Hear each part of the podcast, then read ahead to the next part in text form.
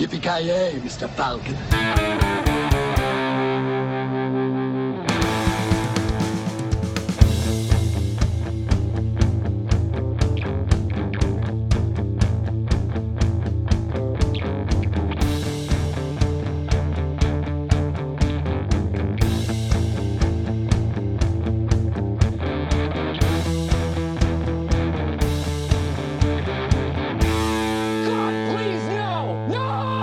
Jajamensan gott folk, hjärtligt välkommen till avsnitt nummer, är det 54 till och med? Är det 54? Det är så jävla mycket avsnitt vi har gjort nu så jag har inte koll på det. Är det 54 eller är det 53? 54 låter bekant eller? Vi kör på det i alla fall. Eh, ni har med mig det Kalle. 54. Yes. Ni har med mig Kalle. Joakim Granström. och Kent. Jajamensan då gott folk. Eh, Black Friday, den eh, härligaste veckan, eller härligaste dagen kan man, kan säga. Eh, Har ju då inlett och varit.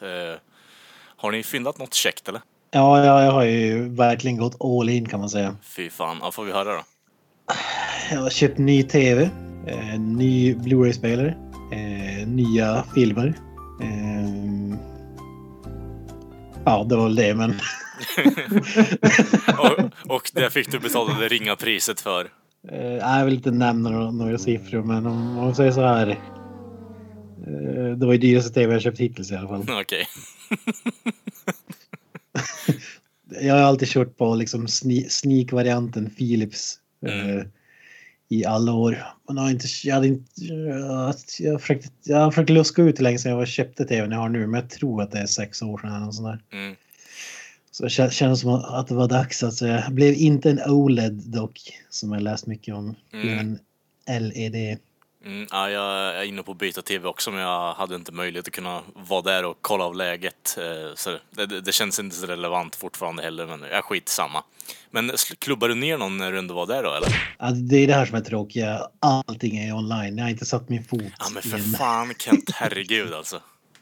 Ja, men är det, är det no, finns det någon vettig människa som liksom ger sig ut på Black Friday? Alla billiga saker är på nätet också. Det är inte så. Mm, Typ Elgiganten eh, har ju alltså har väl några rea-grejer men det är alltid billigare på nätet känns det som. men om vi säger så här då, om du, det var ingen, inget slagsmål på servicecentrum för att hämta ut de där jävla skiterna när du köpte dem online då eller? Nej, jag, har inte, jag har inte hämtat ut det men. Ja, men, det, Han har bara fyndat det än så länge. ja, fy fan. ja, exakt. Nej, vi har ju beställt grejer givetvis. Det är ju Okej. måndag när vi spelar in Ja, ja precis. Jag beställde det Lora tror jag. Så Ja, Okej, hade de hunnit uh, fixa hem det till mig idag då hade jag varit jävligt nöjd. Men fy fan. får sitta som på nålar så att säga. Nej, men jag gjorde misstaget Black Friday förra gången. Då, då skippade jag Black Friday och hade tänkt köpa ny tv redan då Mhm. och satsade på mellandagsrean eh, efter jul där. Men det visade sig att den var ju värdelös. De brände ju allt krut på Black Friday så därför kör jag tvärtom nu då. Slog, slog till här istället. Tidig julklapp se. med andra ord. Mm. Nej, julklapp är det inte kallar det, men det är inte på under julrean så att säga. Det är väl åt en själv. Ja, Ja, men har ni finner någonting eller? Jag har ju liksom Kent eh, spenderat en jäkla massa pengar. Inte någonting som är direkt filmrelaterat men däremot eh, spelrelaterat. mhm. Jag har ju pratat om det tidigare. Jag tror till och med att det var något av de eh, bland de första avsnitten som jag pratade om eh, Playstation VR, alltså deras Mm. Sonys virtual reality headset. Och eh, jag har ju som gått och suktat efter den där saken ganska så länge. Ja, Och jag såg att ja, nu på Black Friday så hade de sänkt den med ungefär en tusenlapp så att eh, jag slog till där. mhm. Och givetvis så som allting annat när det kommer till tv-spel så finns det ju alltid en massa tillbehör och sådana grejer. Så att eh, jag köpte ju då givetvis headsetet med kamera och så var jag ju tvungen att köpa de här move controllers också som la till vet inte, 750 spänn eller någonting sånt. Och sen har det ju kommit en sån här eh, typ eh, gevärs eh, Ja, som herregud. man kan använda också. Så att den med ett spel hamnar ju på typ 600 spänn till någonting åt det hållet. Alltså, Så att eh, Jag vill ju att vi ändrar ett introt till att eh, Ken, alltså Granström introducerar sig som Star Wars Kid i stort sett egentligen. För det är det jag får framför mig nu egentligen. Ja, men det, det, det är ju så. Alltså, jag, jag, jag har ju insett det där med mig själv att jag, jag, är ganska bra på att liksom hålla mig borta. Så länge jag håller mig borta då är det inga problem. Men så fort jag börjar köpa någonting då rasar det iväg. Då måste jag ha allting ungefär. Det, det, det finns inte något här 0 till 50 att liksom gå halvvägs så, så sparar man lite grann och ser vad händer, vad behöver jag egentligen? Utan ska jag ha någonting då ska jag fan med ha allting med en gång. Mm. Men som sagt, alltså jag är, även om det är, det är ju en ny teknik och det, jag förväntar mig att det ska vara en miljard barnsjukdomar som man brukar kalla det, kalla det när det kommer till de där teknikgrejerna. Men alltså det, det, det som har sålt mig, jag har, inte, jag har ju faktiskt inte prövat, jag köper ju ändå det här blint så att säga. Men det är just att det är ju ändå ett nytt sätt att spela tv-spel och det gör mig jävligt intresserad. Så att vi får se vad det blir. Det kan ju vara så att det är liksom att det verkligen är revolutionen som folk pratar om, att det är det häftigaste som någonsin har funnits. Eller så blir det plattfall, så alltså jag kastar ut liksom drygt 4000 spänn i onödan. Men ja. Shit happens i så fall. Vad skulle lira med gevärspipan? Är det Virtue Cup eller? Mm. Uh, spelet, uh, jag köpte ju spelet som den följer med till heter Farpoint. Det är en sån här uh, mm -hmm. shooter när du är på någon planet utomjordisk, givetvis utomjordisk planet så vandrar omkring och skjuter stora spindlar verkar det som. Så att, ja. Vi får se. Det, det verkar jävligt underhållande i alla fall. Mm. Alltså, är det så hypat alltså? Jag har inte lika koll på spel som ni har men känns som att man inte har hört så mycket om det sen, sen just när det kom ut. Eller? Men... Alltså, jag vet alltså... inte hur du tänker Granström men det är ju jävligt mycket mer spel som kommer ut som är VR-kompatibla nu så de satsar ju stenhårt på det, i alla fall Playstation. Ja det gör de. Alltså, de har ju definitivt satsat eh, väldigt, väldigt mycket på det. En stor del av problemet har ju varit att det har kostat så jäkla mycket det här. Mm. Eh, och jag, så, jag såg faktiskt nu tidigare idag lite statistik på det här och tydligen så hade just Playstation VR har sålt den här Black Friday-veckan har det sålt lika mycket som det gjorde veckan som det, eh, som det släpptes alltså. Mm. Så att eh, det, det, är ju, jag tror för många så är det ju problemet det är ju priset just. Det har varit för dyrt och det gäller ju även de andra varianterna, Oculus Rift och mm.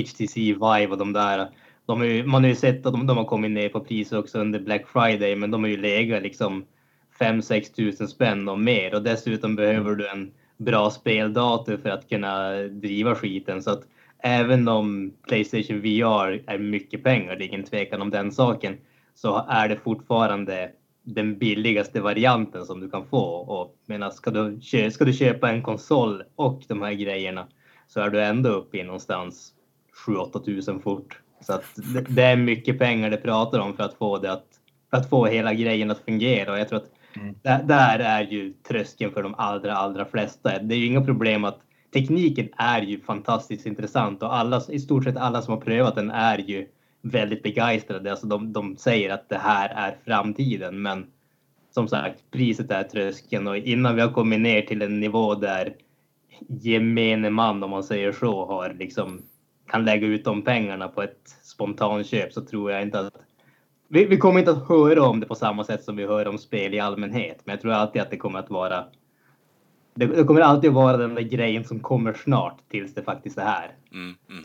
Det där låter nästan exakt som det jag tänkte nu när jag köpte en 4K-TV och som spelar, så jag kan spela upp Ultra HD Blu-ray. Ja. Det känns som att nu har liksom alla köpt en 4K tv. Det känns som att det var alldeles för dyrt tidigare men nu när det börjar bli lite billigare så kanske blir, eh, jag vet inte om det kanske ersätter Blu-ray om det är för sent för ett fysiskt media att slå, slå lika stort. Nu har kanske inte Blu-ray blivit household, household heller men jag, hopp, jag hoppas att det, att det fortsätter med fysiskt media så att säga. Men det är, det är lite samma grej där, det krävs massor med grejer för att du ska liksom kunna spela upp det också. Ja, ja men så är det ju. Sen bara inte för att eh, bryta av det här allt för mycket. Men just det du säger om fysiska medier. Fördelen, om man säger så, eller för, ja, fördelen till viss del för oss som är samlare är just det här att när det kommer till film och liksom storleken på ja, vad de filmerna tar, alltså rent gigabyte-mässigt och allting sånt. Så att det kommer att bli svårare att svårare att streama liksom 4K och allting sånt. För det kräver ju som bandbredd på internetet. Jag tror att vi i Sverige givetvis, det kommer inte att vara något problem för oss. Alla här har ju bredband, men stora delar av resten av världen har det ju kanske inte riktigt lika förspänt på så sätt. Så jag tror inte att det är någon risk att fysiska medier kommer att försvinna någon gång i närheten i alla fall. Ja, ja jag, jag tror att det, kommer att det inte är så långt bort, men Mm. jag hoppas att du har rätt i alla fall. Men eh, när vi ändå är inne på att köpa hårdvara som är ganska dyrt och alltså att det ligger nära i tiden. Är, det viktigt för er att man är först ut ibland eller? Med det där riktigt nya som man kan eh, stoltsera att man var först med säg 4K-TV eller eh, VR-sättet eller liknande. Men, med, med tanke på att vi köper den typ när de liksom säljer ut. Eh, Ja, så, typ om vi säger så här, eh, Ja, det, det, det Med känns ju 4K lite grann så. Playstation. Om vi säger så här Kent ja. Om vi säger så här. Om jag ställer frågan till Granström, för jag vet att du eh, har ju sagt på record också att du, eh, du köper inte Blu-ray-skivor under 50 spänn, så det vet jag ju att det gäller ju inte, det tillämpas ju inte där på, utan det är mer kanske Granström i så fall då. Eh, nej, alltså jag skulle inte säga att jag är det. Mm. Jag är ju definitivt teknikintresserad. Det är ingen, ingen fråga om den saken. Men jag är inte den som lägger ut massa pengar bara för att ha, ha någonting. Alltså, Mm. Som sagt, jag köper Playstation VR nu. Det var ett år sedan det släpptes och det är först nu som jag tycker att priset ändå känns rimligt. Jag har fortfarande en 1080p TV. Jag har inga planer på att eh, byta upp den där. Mhm. Jag har haft min smartphone i två år och det är den första smartphonen som jag har haft överhuvudtaget. Så jag var jävligt sen på den bollen. Mm. Så att eh, jag, även om jag är väldigt teknikintresserad så är jag definitivt inte den som måste vara stå först i kön och köpa den senaste varianten av det som har kommit. Det är definitivt inte. Nej, med på du menar. dessutom, din, din mobil är väl typ 95 procent av jordens befolkning har ju antingen iPhone eller Samsung. Men du har väl någon sån här obskyr, eller vad har du för någonting? Jag har en Sony Xperia. Mm. ja, exakt. Obskyr.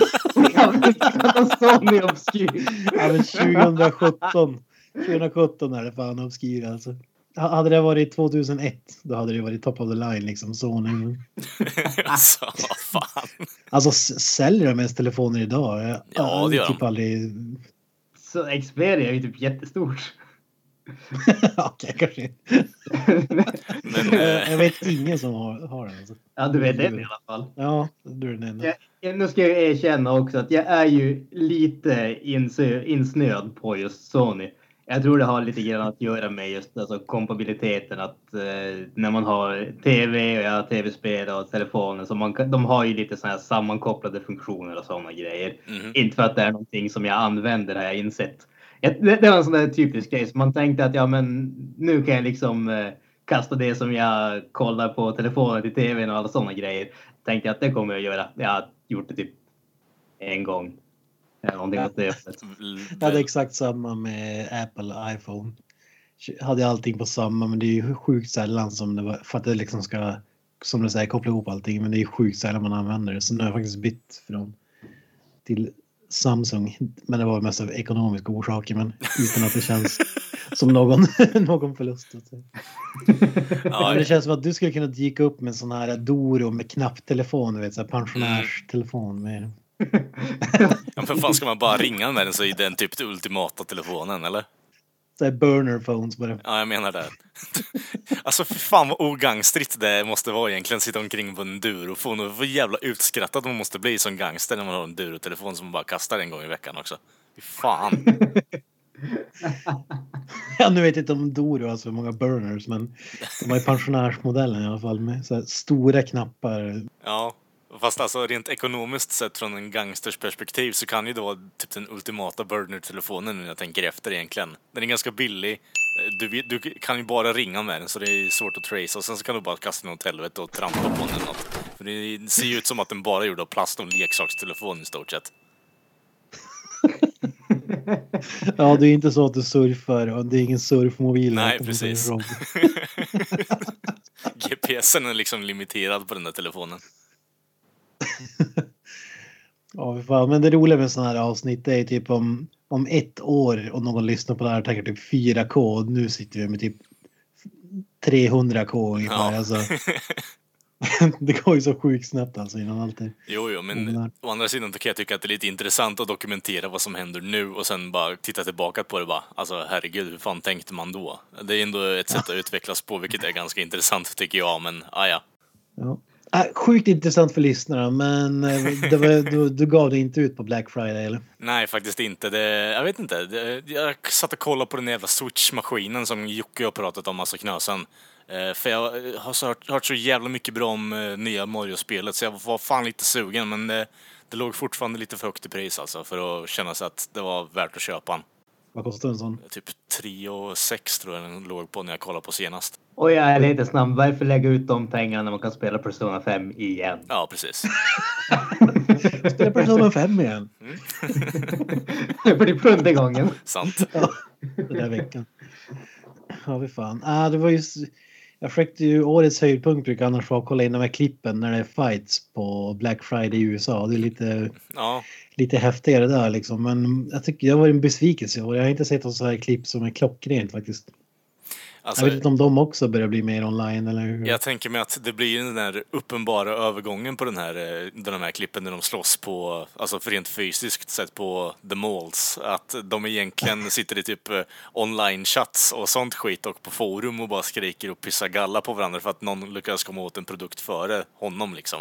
Jag tror det är den uppenbara jävla övergången på det där. Ja, jag älskar de bilderna de släpper in folk och folk Ja. bara, för den som inte har sett det, det är ju som en hord med bufflor eller någonting. Alltså, bara väl, det sprutar in folk och så folk blir nedtrampade när de Mm. öppnar dörrarna där och ska hinna först till typ rea på en brödrost ungefär. Alltså, ja, det är helt obegripligt. Jag tror jag pratade om Black Friday i något av de tidigare avsnitten också, Ja. men det är ju det är ju magiskt att se klippen, alltså folk som slåss för att få liksom en tv tusen spänn billigare. Mm, ja, det, är, det är ett bra sätt att göra en populationsrensning på känner jag. Att man tar bort de människorna som slåss över en bröd, brödrost för fem spänn. Jag vet inte, jag tror vi kan klara oss utan sådana människor faktiskt. Kalle hatar fattiga. Nej. Han hatar rostat bröd. Ja, det, har- det gör jag. Ja, fan, alltså jag vill inte att det här ska komma till Sverige. Alltså jag, jag vill så gärna att det ska bli så. Men... Nej, men Du ska ju stå med din jävla Samsung-telefon och filma det här också och känna Ja, på Youtube. 4K. 4K slow motion och Ja, alltså det går att få. fy fan. Ja, fan. Live från uh, biotrean. Ja. Äh, ska vi gå vidare? Du har ju varit på resande fot också. Jag har varit på resande fot nu i den här helgen kan man väl säga. Jag kallar det, det måndag nu. Jag åkte i lördags till eh, Gdansk. Så jag har varit lekt polack i eh, ja, två och en halv dag kan man väl säga. Alltså, riktigt härlig stad. Jag, brorsan har ju varit där en månad innan. Han har ju dels hypat upp det och eh, alltså, sågat ner på det utav bara helvete. Så jag förväntar mig i stort sett eh, eh, ja, men när man tänker på öststaterna, alltså nedgånget och eh, alltså militärer som spatserar på gatan och sånt skit. Men alltså, kommer dit och är alltså gladligen överraskad över hur jävla frän stad det här är faktiskt. Skulle nästan säga att det påminner lite om eh, alltså Köpenhamn eller något liknande. Eh, jättegamla alltså byggnader. Ehm, mycket god öl, mycket god mat. Alltså fräna så här gator från eh, medeltida och lite sånt jox alltså.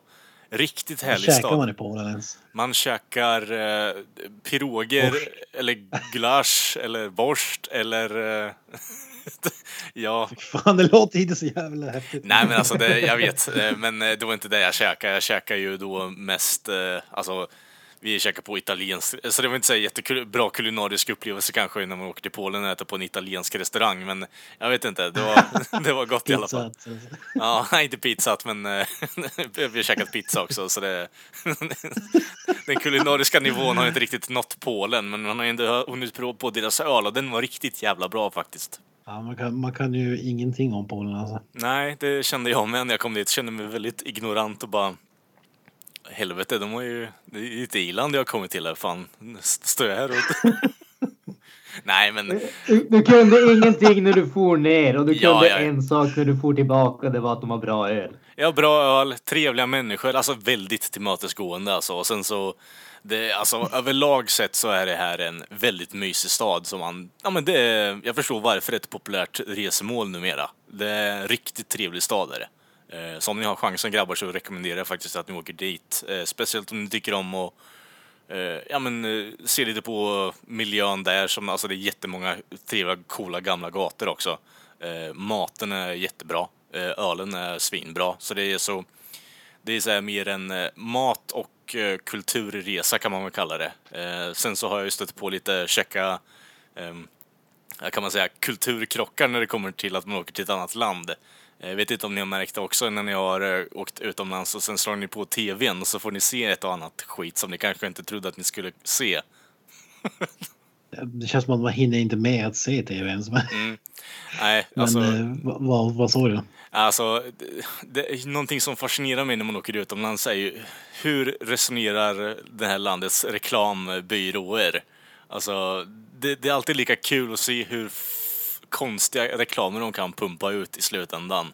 Vi har ju våra, vi är så vana vid det här laget, men om man kommer hit så, från utomlandet eh, och ser våra reklamer här i Sverige så tror jag att det är ungefär samma faktor, att det ser helt jävla konstigt ut. Speciellt de här reklamerna som Ikea pumpar ut när det är någon ja, tjej som åker och hämtar ett adoptiv, adoptivbarn och så får man en reklam om någon, jag vet inte, tallrikar. Alltså det är så konstigt ihoplappat här. Men, hur Har de. Honey Monster? Ja, precis. Fan, de, det, det är bra reklamer. Det är synd att de inte pumpar ut dem längre. Jag har inte sett honom på jättelänge. Men eh, för att inte liksom tappa röda tråden här då. Eh, det kommer på en reklam då eh, eh, kring en risifrutti-produkt Eh, som heter Riso. Eh, och det, eh, reklamfilmen börjar då med att det är en kille som står och ska hitchhika vid sidan av vägen. Då kommer en pickup truck och kör förbi Eh, och stannar eh, och han hoppar emot förarsätet och kollar läget bara. Då är det en stor jävla björn som sitter och nynnar på Vanilla Ice-låten eh, liksom, Ice Ice Baby. Fast han har bytt om liksom texten till att marknadsföra den här produkten som heter Riso då istället. Och då är det en risifrutti-produkt med chokladsmak på.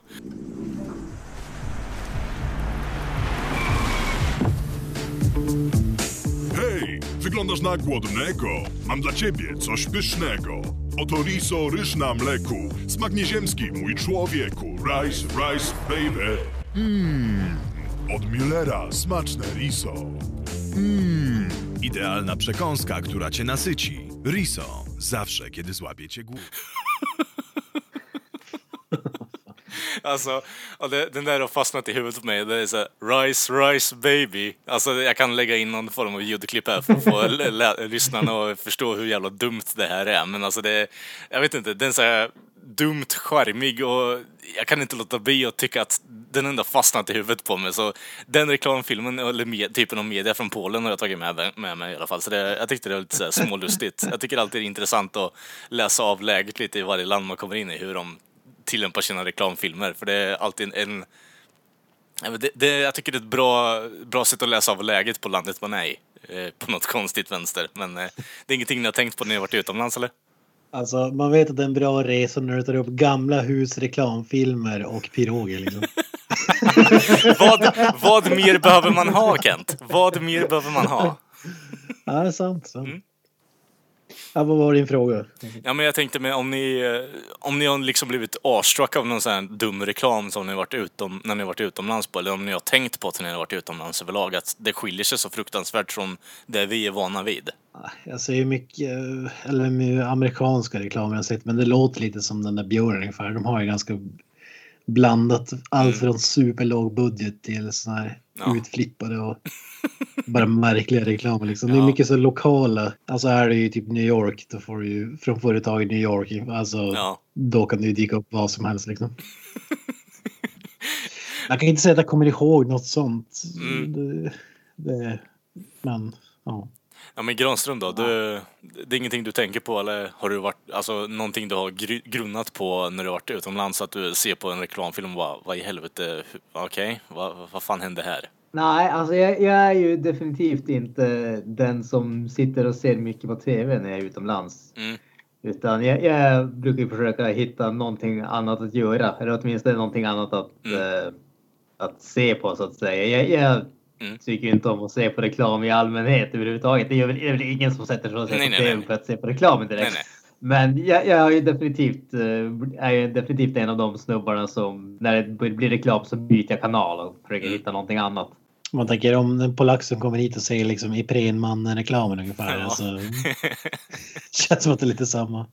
Jo, men alltså jag tycker att det är det som är lite tragiskt där. För alltså, vi har ingen riktig sån här reklam som drar in en fort, alltså längre. Jag tycker det är lite tragiskt i slutändan. Att de inte ens försöker, utan det är mer bara, här har ni den här produkten, go fuck yourself i stort sett. Medan här gör man en kreativ produktion gällande att en björn kör omkring en pickup truck och säljer risifrutti med chokladsmak. Jag tycker ändå det förtjänar lite mer eh, notice här i världen faktiskt. Att man lägger ner lite tid och kreativitet bakom en reklamfilm. Det, det, det är... Vilken är den bästa reklamfilmen du har sett? Alltså, Iprenmannen är ju högt upp på listan där, för jag kommer fortfarande ihåg den alltså. Ja men seriöst alltså. Den och eh, OLV-reklamerna... Oh, va? Ja, Honey Monster är jävligt bra också. Men eh, sen har du ju... James Bond-parodin. Alltså, eh, när man tänker tillbaka på det här med reklamfilmer överlag, bara 90-talet är ju alltså sprudlande med sån här skit. Alltså chipsreklamerna från OLV är ju jävligt bra. Alltså, har ni fest eller? Och så bara sparkar de upp en eh, crate med chips i stort sett bara. Eh, poliserna där, vad fan det är. Det är så mycket skit. Eh, Norr, Norrlands guldreklam. Jag tänkte, Ja, tänkte jag de också, också jävligt bra. De kör moped i grustaget. Ja, också jävligt bra liksom. Det är det jag menar. Det är, det, alltså, det är på något sätt så har ju resten av länderna, alltså världen, inte förlorat den skärmen, men vi har tappat den på något konstigt sätt. Jag tycker det är lite tragiskt egentligen. Jag tycker att all, allt som Fredrik Gramer är inblandat också. Ska det vara bärs, ska det vara kopparbärs. Ja, precis. Fredrik Gramer gjorde även magiska reklamfilmer som sändes på lokal-tv här i, i norr. Det var ju typ något Ica i Boden, eller alltså någon så obskyrt eh, liten butik som man liksom spelade in magiska reklamfilmer till. alltså, det var så, det var ju som Fredrik Gramer till tusen alltså. Han var ju före i den i, usla Ica-reklamen som rullar nu liksom. Alltså, han var ju så sjukt bra alltså. Och det är det jag menar, alltså, det där är ju så bara, man har fastnat i något form av spår och vill inte ta sig ur, utan man utforskar inga nya gränser, utan man har Ica Jerry, man har Ica Stig, man har Ica Ulf. Du hör ju hur jävla kreativitetslöst det låter. Alltså, visst, eh, hela Sverige älskar den där reklamen, jag förstår varför, men alltså jag tappar suget på det. Alltså, och då blir jag som Granström och då byter jag kanal i stort sett. Men när jag har en stor björn i en pickup truck som säljer risifruttis, då, äh, men då fastnar jag. Då, då hänger jag kvar och ser vad fan det här går någonstans, bara för att få någon form av ny input på världen. Men när du säger Damme är ju split mellan två lastbilar, vad säger du? Ja, men då säger jag att det är ändå innovativt och någorlunda liksom eh, wink wink. Den här killen har gjort actionfilmer och dragit splits och eh, jag vet inte vad. Ja, ja, men jag tycker ändå att det finns någon form av kreativitet bakom det. Ah, ska vi lämna reklamfilmens... Det tycker jag vi eh, gör. Eh, åk till Polen i alla fall, för det var där vi derailade från.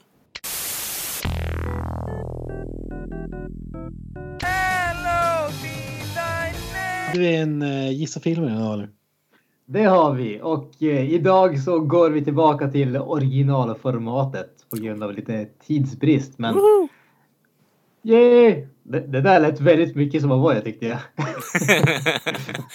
Jag är här också, Granström.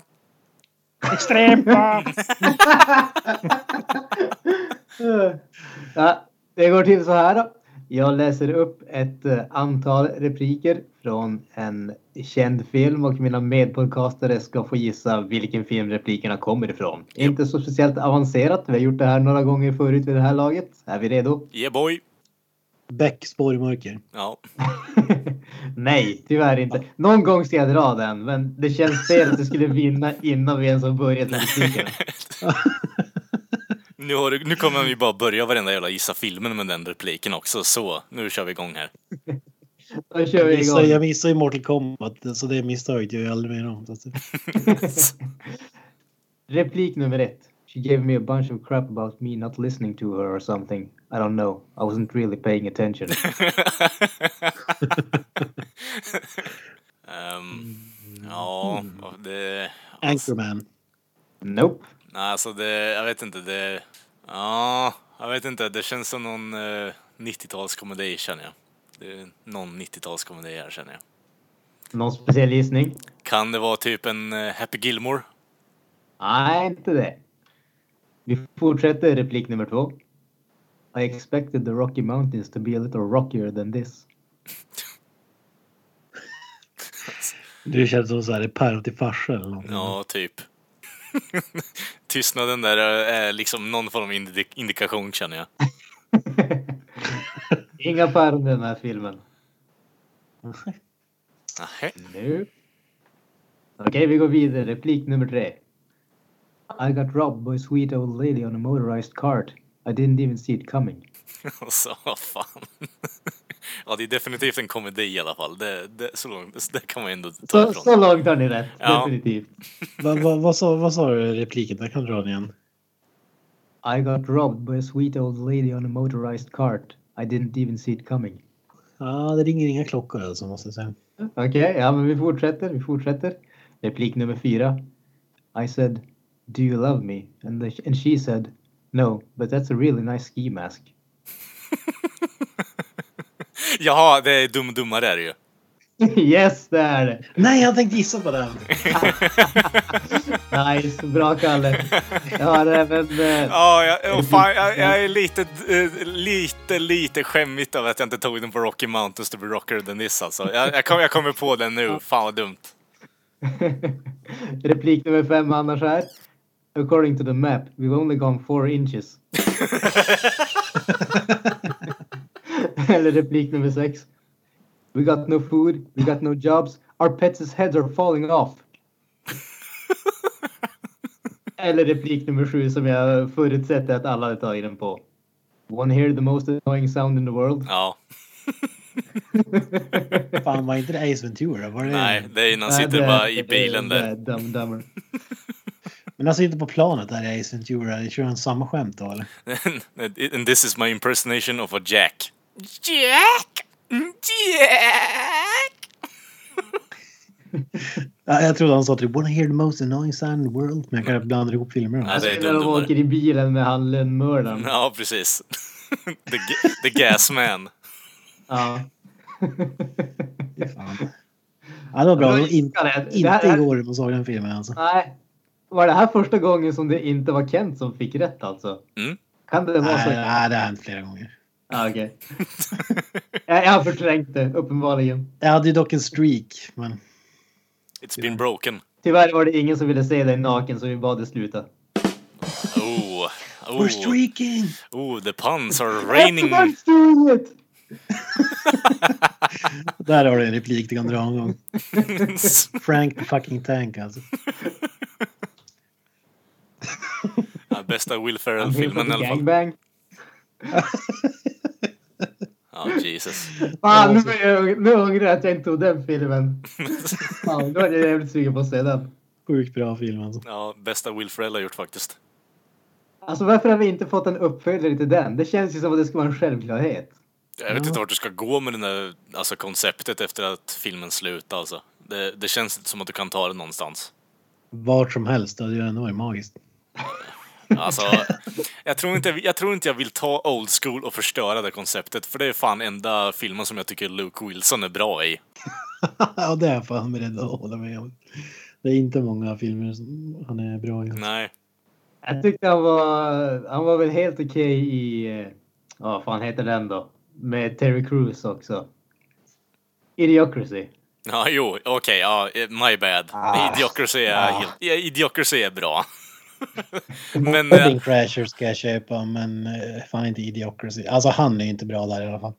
Jag tyckte han är helt okej där. Alltså, ju- just tanken att han är den, liksom, den mest medelmåttiga medelmåttan. Det, Ja, det är liksom, det det, det passar typ- han. det är rollen som man var skapt för i stort sett. Ja, Jag såg ju Zoolander 2 för ett tag sedan här och jag kan ju säga så mycket som att det var inte hans bästa. Jag tror du, eh, Insats. tänker vi på samma broder här nu eller? Owen Wilson. Nej, Luke Nej, Wilson. Luke Wilson. Det var det bara Wilson. Ja, men Lu- Luke Wilson, han är väl, han är väl bra ändå. Jag gillar, att, det, jag gillar att det här argumentet inte ens hade behövt kunna hända i stort sett. Blue Streak, sjukt bra. Du kommer tillbaka till den filmen om och om igen alltså. Mm, Alltså, Kent den är är magisk. Jag, ja, men jag måste se den här en gång. Ruskigt bra.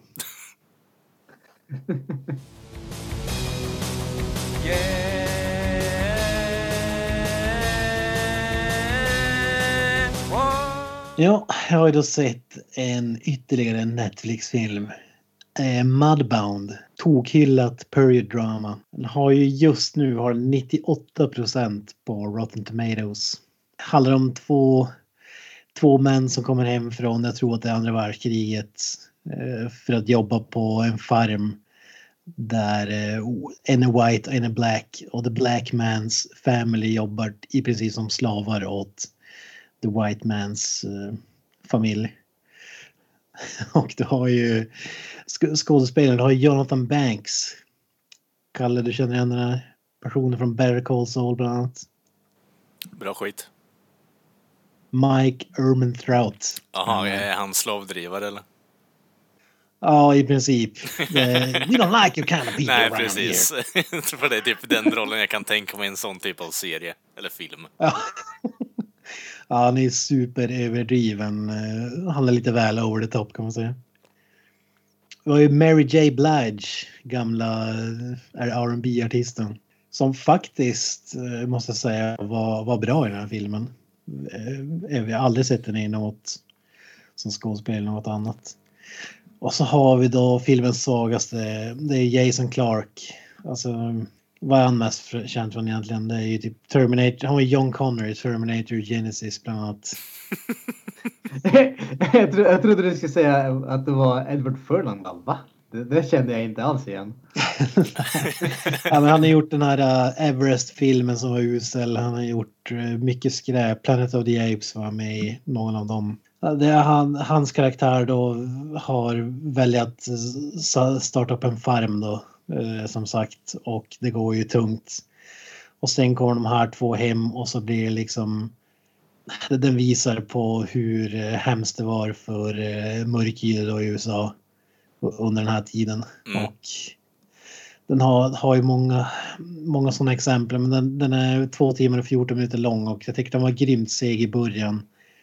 Man får se, man får, det är den eh, vita familjen man får följa först och som är som inte är särskilt intressant. Det är först när de kommer hem från kriget liksom som det börjar bli intressant och de blir ju, de känner inte varandra sedan tidigare men de blir polare och det här tycker ju inte Erman Trout om utan han är ju med i KKK så att säga bland annat. Ah, Och eh, ja, jag vet inte hur mycket jag behöver berätta mer än det men det, det, är en, det, det är väl en bra film sådär. Jag tycker inte att den är liksom eh, sticker ut på något sätt. Jag tycker eh, 12 years a slave till exempel gjorde det, gjorde det mycket bättre eh, på, på samma tema och sådär. Det är lite, lite mer simp, simplare. Den sk- skrapar mer på ytan och jag vet inte, storytellingen är inte du har alla filmer med narration i bakgrunden tycker jag det är liksom ett svaghetstecken så vänta, eh, har den här filmen narration i bakgrunden? ja. Okej. ja men den blir första halvan är seg, andra halvan tycker jag är riktigt bra. Så, så jag, skulle, jag skulle ändå re rekommendera den även om den inte är så super eh, superdjup eller superbra men det som Granström brukar säga, det är bra hantverk. Det, det ser bra ut och sådär men Mm. mm, ja. Det fin, finns sådana här hemska scener också där men jag tycker att man kunde göra det på ett eh, bättre sätt så att säga. Men sju- 7,5 på IMDB och det är väl ungefär där jag också landar tror jag. Med slutbetyget så Mm. den är värd att, att kolla in i alla fall. Sweet. Varför får jag alltid, alltså när jag hör så att du säger narration i bakgrunden så tänker jag alltid bara And for 15 minutes, Andy Dubois felt like a free man. I don't think it was the prison raping that... Oh, Jesus Christ. Fan. Ja, nej, jag tänker ju på Blade Runner direkt när, men det är sant. Det är ju, det är ju Shawshank Redemption också. Mm. Det är, det, den är, jag tycker den Narration-vågen startar. Ja, jag menar det. Jag tycker det har förstört lite faktiskt med... eh, jag vet inte, det, det är ju bra om det tillför någonting men å andra sidan när man liksom kan se och tänka in sig på någonting i en scen så vill man ju gärna ha tystnad och bara tänka själv istället för bara And for 50 minutes if I look det bara okej, det tillför ingenting.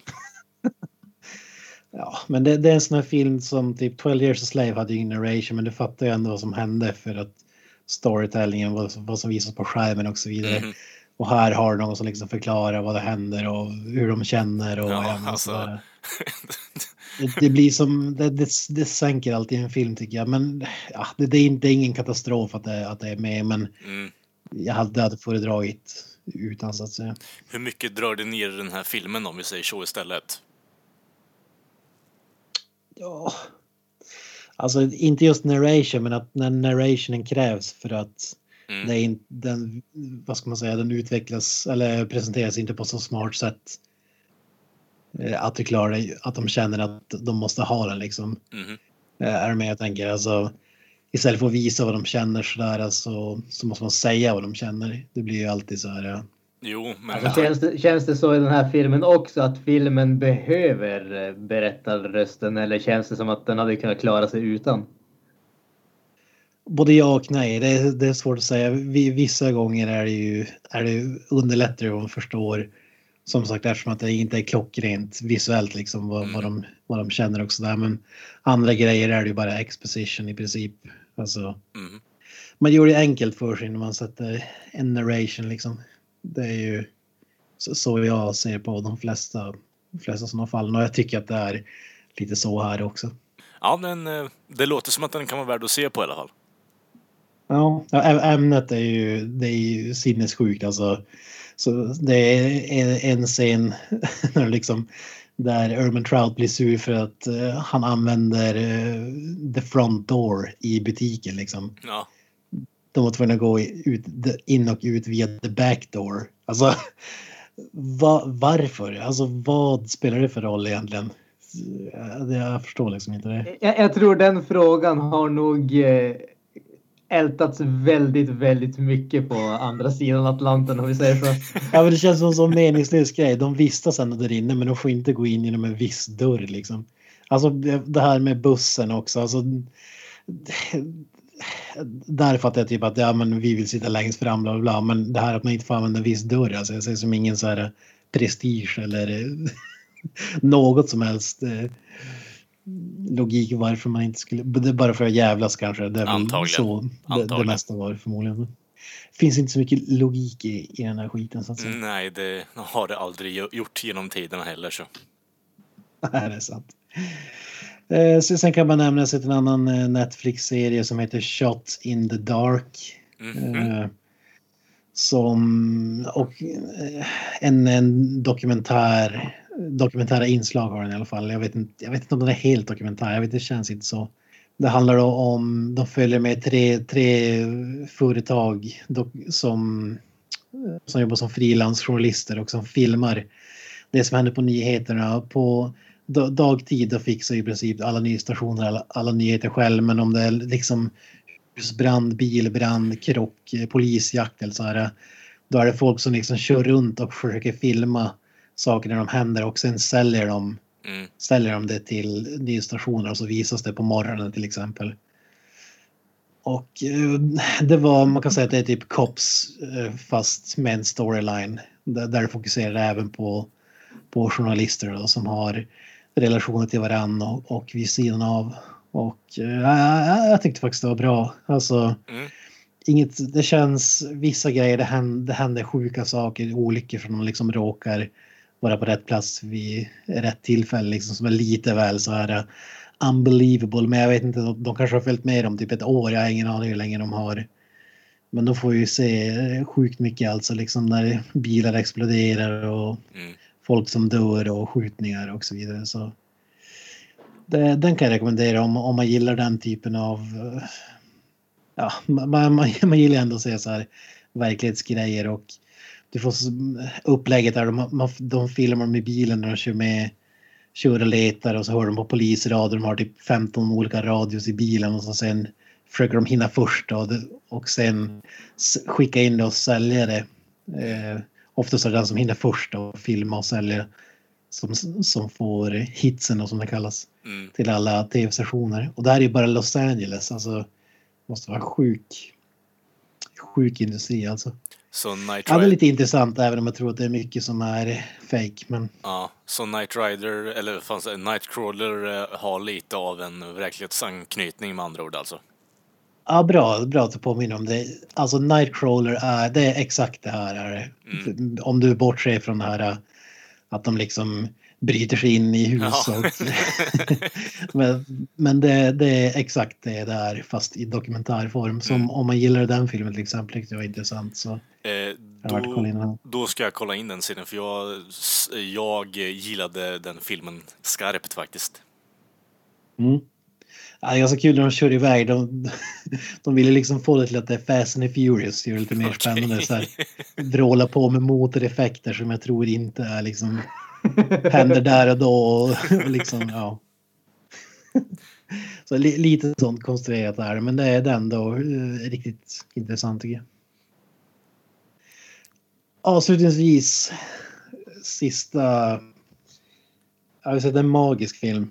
Mhm. Där, alltså det är som att om, om någon skulle fråga mig så här, du får fria händer, du får kasta en film hur du vill, vilka tar du? Då skulle jag typ ta den här castlistan. Det är sjukt att jag inte har sett den här filmen förrän nu. Eh, handlar det om eh, en eh, polis eller ja, polis, New NYPD eller liknande. Snubbe spelas av Dolph Lundgren. eh, han, är med, han är med och eh, ska göra en bust med så här, eh, vad kallas det, human trafficking, alltså Mm. mm, säljer, ja människohandel i princip, smugglar in dem till USA och säljer dem vidare och så vidare, trafficking, human trafficking. Och the big bad guy, bossen, är då Ron Perlman, Hellboy. Under den här busten så har Ron Perlman med sig sin son. Han, han har liksom fyra söner och det här är den sista yngsta då. Som inte är lika tuff som de andra som man vill. Han, hans, han får hans första, hans första människohandel liksom. Och slutar med att Dolph Lundgren skjuter ihjäl honom Ja. av eh, ja, halvt misstag. Och då, väl, då väljer ju Ron Perlman att hämnas genom att skjuta en rocket launcher upp i hans sovrum. Mm, Och döda hans fru. Okej. Ja. och, eh, och dotter. Och så behöver jag resten av castlistan då. Har ju då vresig polischef, vem vill de ha då? Ja, det är givetvis Peter Weller, Robocop. Eh, korrupt FBI-agent, givet Michael J. White, Spawn. eh, en, eh, det, det är mycket kopplat till Asia då, de här eh, trafficking-grejerna. ja. Och där har du en polis som liksom har blivit lite vigilante-aktigt. Tony Ja från Ångbak. som går, går över gränsen liksom för att sätta dit de här. Ja, det är, listan fortsätter. Du har även korrupt politiker. Shang Tsung från Mortal Kombat. Ja, det är ett riktigt dream team alltså. Jag, jag tyckte om filmen som fan alltså.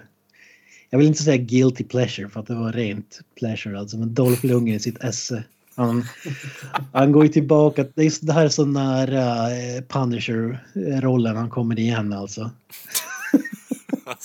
Han, han tar ett shotgun och ska hämnas på hela hans eh, imperium. Liksom skjuter ihjäl dem en efter en. Ja, fantastiskt. Vi får se en, en grymt häftig fight mellan Tony Jaa och Michael J. White också. Tony Jaa, han var väl känd för att han gjorde stunten själv. Alltså när han spelade in Ong till exempel. Alltså det var väl smällarna var på riktigt var det så Granström? Du har väl kanske koll på det? Jag vet inte om äh, det var riktigt så, men det, det var ju just att det var ju då väldigt extrema stunts och sådana grejer som man gjorde själv. Sen vet jag inte hur mycket som var på riktigt och inte. Det är ju, när det kommer till alla de grejerna så är det givetvis överdrivet allting. Så är det ju givetvis. Men, Myt, ja. Myten är ju typ, bröt han ett ben då fick benet läka och så spelade de klart resten av filmen och körde. Men det kanske inte riktigt är så liksom. Ja, precis. Det, det, det är precis det som eh, jag har hört också. Jag, jag, jag, jag misstänker att det är nog inte riktigt eh, hela sanningen om vi säger så. Ja, ja Ångbacke, den är ju sjukt. Om man gillar martial arts så är det ju ett måste att kolla in den liksom. Michael J är också vass. Han är, han är också martial arts action skådis. Ja, men den, den rekommenderar jag. Den finns också på Netflix nu. Så Sweet. ma magisk castlist så att säga. Är, är det någon där ni skulle vilja byta ut eller? Alltså, Känns som att den är fullspäckad alltså. ja, alltså, jag, jag kan inte säga det innan jag sett filmen. Vad hette den förresten? Jag, jag kanske aldrig sa det. eh, skin Trade. Skin Trade, okej. Okay. Mm.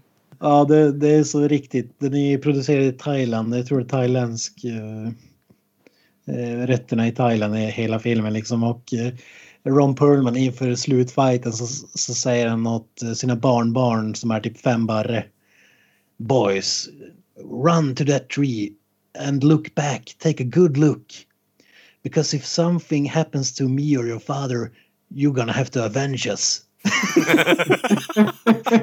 Fem barre ska han komma ihåg liksom Dolph Lundgrens tryne. 20 år. Ja, det, är, det är sån magi alltså, i den här filmen. Det låter ju genialiskt. ja, det är magisk. Det var allt jag hade den här veckan. Du, jag har ju förvånansvärt nog också sett på film, dock en eh, misstänker helt annan typ av film. Jag gick eh, tillbaka lite grann till 2015 och The Revenant av eh, Alejandro Inarritu med eh, Leonardo DiCaprio. Leonardo DiCaprio. Precis. jag, sitter och kollar på vad heter omslaget. Vad fan heter det egentligen? Vad står det på omslaget? Nej, men det är med eh, Leonardo DiCaprio som sagt och Tom Hardy som är de två stora huvudrollerna. Jag vill bara påpeka att eh, det här bådar inte gott för Leos Oscars-statyett som han fick för den här filmen också. Med tanke på att den kommer Nej, då, nej då. Det, det, det, var bara, det var bara hjärnsläpp där. Det, han gör faktiskt en riktigt, riktigt bra roll måste jag säga här. Okay, det här ja. är ju då, ja, alltså faktiskt. Då ska jag erkänna att jag tycker en riktigt, riktigt bra skådis i allmänhet. Jag kan inte säga någon sån där film där jag rakt av tycker att han har varit dålig i. Nej, nej, det säger jag inte. Jag säger bara att det, det, han borde inte ha fått statyetten för The Revenant. Det är allt jag säger. Ah, ja, ja, ja, jag håller inte riktigt med där faktiskt. Jag tycker att den är riktigt bra den här filmen. Eh, men jag kanske kan eh, dra lite grann om vad filmen handlar om, även om... Har ni sett den förresten? Yes. Japp. Yep. Okej. Okay. Ja, det var väl inte vanligt. helt såld på den, men fortsätt. yes. Nej, men det är ju då som sagt eh, Leonardo DiCaprio. Han spelar en eh, guide kan man säga som eh, leder ett gäng av, eh, jag vet inte vad man ska kalla dem, pälsjägare ungefär. Men i alla fall, det, det är ju då under 1800-talet och eh, han har gett sig ut med en grupp eh, människor där de ska döda djur och samla ihop skinn och sen sälja det när de kommer tillbaka. Och de inkräktar ju då på indianmark såklart. Och rätt så omgående så blir de attackerade. En stor del av eh, gruppen blir dödade och eh, Leo då leder överlevarna. Eh, ska försöka leda dem till säkerhet helt enkelt. Det går väldigt bra i ungefär 15 minuter och sen blir han attackerad av en grizzlybjörn och eh, ganska så allvarligt eh, skadad föga förvånande och blir dessutom då lämnad att dö eftersom hans vänner ger eh, mer eller mindre ger upp på honom med tanke på skadorna och säger att det finns som ingen mening att eh, stanna kvar här. Och resten av filmen är ju då en man mot naturen historia där vi får följa Leonardo DiCaprios eh, kämpande tillbaka till livet i civilisationen om man säger så. Och eh, efter sig har han ju dels vildmarken och dels en drös mordiska indianer. Den är 156 eh, minuter lång och jag måste säga att den är definitivt i det längsta laget. Mm. Jag tycker den, alltså det, den det är en bra film. Det är ingen tvekan om den saken. Som sagt, jag tycker Leonardo DiCaprio gör en väldigt, väldigt bra rolltolkning här. Dels för att man får se han som eh, den här guiden som är en del, han är den som ska leda de här männen men samtidigt så är han inte en del, del i deras gäng så man får se den biten. Och sen får man se just eh, hans eh, kämpande och eh, hans sårbarhet inför naturen i de, den senare delen av filmen. Så jag tycker han gör det riktigt, riktigt bra. Den som kanske stjäl showen för min del, det är ju Tom Hardy i den här filmen. Mhm. Jag tyckte att han var eh, han klock, det är en klockren rollprestation av han. Han har ju verkligen ett sätt att agera. Han är ju Många av hans filmer är han ju relativt lågmäld ändå, men i den här filmen så får han släppa lös lite mer. Det, det märks att han har kul i rollen. Det, det, är en tung karaktär som han gör som... Han är inte en god person, men han ser sig själv definitivt inte som en ond person om man säger så. Och Tom Hardy lyckas verkligen gestalta den karaktären på ett eh, grymt, grymt bra sätt. Sen är det ju enligt mig mer än bara bra hantverk. Alltså som sagt, skådespelarprestationerna är riktigt bra. Den är väldigt snygg. Alltså det är ju en film som är gjord på att kalla den lågbudget är ju väldigt fel för det är inte en lågbudgetfilm på något som helst sätt. Men det känns väldigt down to earth. Alltså det, det är inga jätteflashiga grejer utan man får känna liksom den här karga, bistra kylan ute i vinterlandskapet om man säger så. På ett, ett sätt som få filmer har förmedlat skulle jag våga påstå faktiskt. Alltså den känns verkligen, kylan i den här filmen känns bitande på något sätt. Det är nästan som man sitter och fryser när man sitter i soffan och ser på den till och med. Så att jag tycker att den är riktigt, riktigt bra. Jag tycker att det enda som jag faktiskt inte var så jätteförtjust i den här filmen, det är musiken som jag tyckte var konstiga fel ord att använda. Den är udda på många sätt, vilket delvis är bra för det gör att den sticker ut. Men samtidigt är det några sådana här passager där det nästan bara blir konstiga pipande ljud. Det var nästan så att jag liksom började fundera, har jag lämnat liksom kylskåpet öppet eller vad är det som har hänt? Det, var, liksom, det var några sådana grejer. Det var, nej, det, det, tyckte jag inte om. Det var nästan så att jag började störa mig på musiken istället. Istället för att känna att den liksom gav någonting extra till filmen. Skulle det gå så långt att säga att den är malplacerad till och från? Nästan. Alltså som sagt, mm. det, det, känns, det är definitivt några passager där det känns som att musiken påkallar uppmärksamhet till sig själv där ja. den inte behöver göra det av liksom någon. Det finns ingen orsak till att påkalla uppmärksamhet till musiken, men det gör det ändå. Ja. Så att på så sätt tycker jag faktiskt att den känns lite malplacerad ibland. Mm, ja, jag är fullt med på det faktiskt, för det var exakt det jag kände när jag såg filmen också. Så. Måste ju fråga vad du tycker om björn attackscenen. Alltså jag tycker den påminner om när Jackie Moon ska fightas med en björn i semi-pro alltså.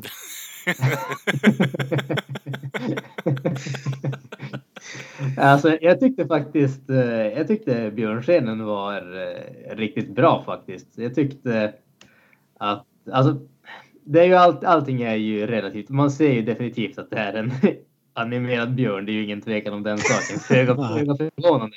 Men jag tycker ändå att den kändes inte så här. Uh, det kändes inte som att den bröt mot det som man såg i filmen. Alltså, det, det, känns som en del av naturen även om den inte känns helt verklig ut. Så jag tyckte faktiskt om den biten.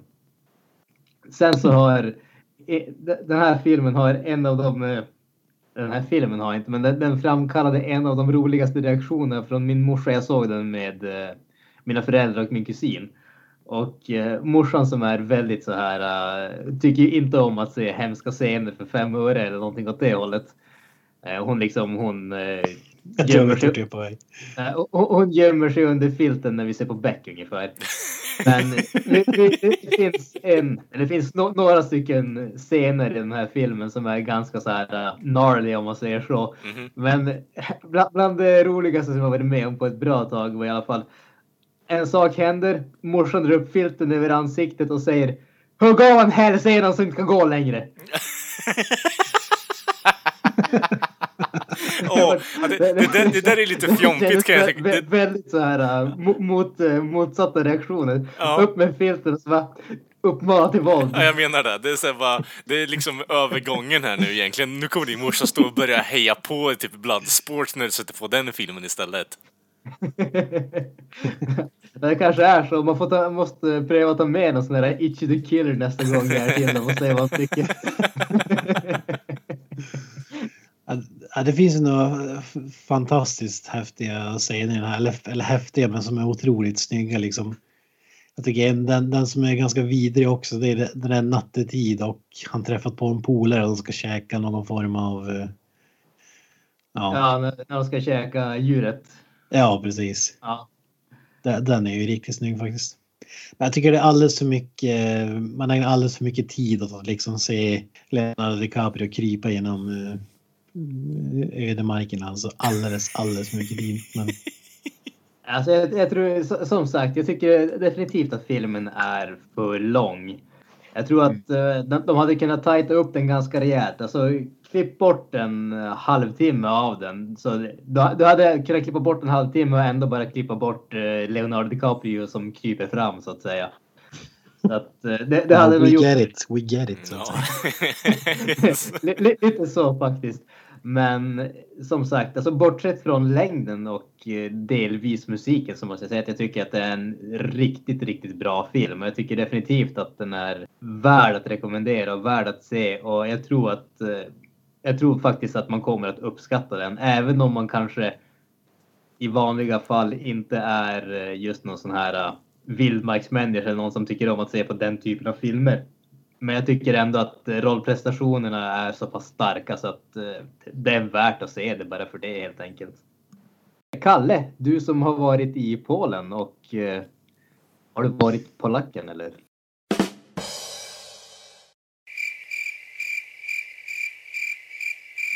Herregud Ehm. vilket dörrskämt. Ja, alltså, ja. Så jävla dåligt. ja, det var det sämsta skämt jag någonsin har dragit alltså. jag, jag, Jag tror du drog det fel också. Ja, det gjorde jag definitivt.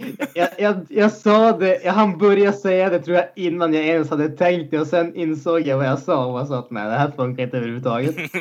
abort, abort. Ungefär.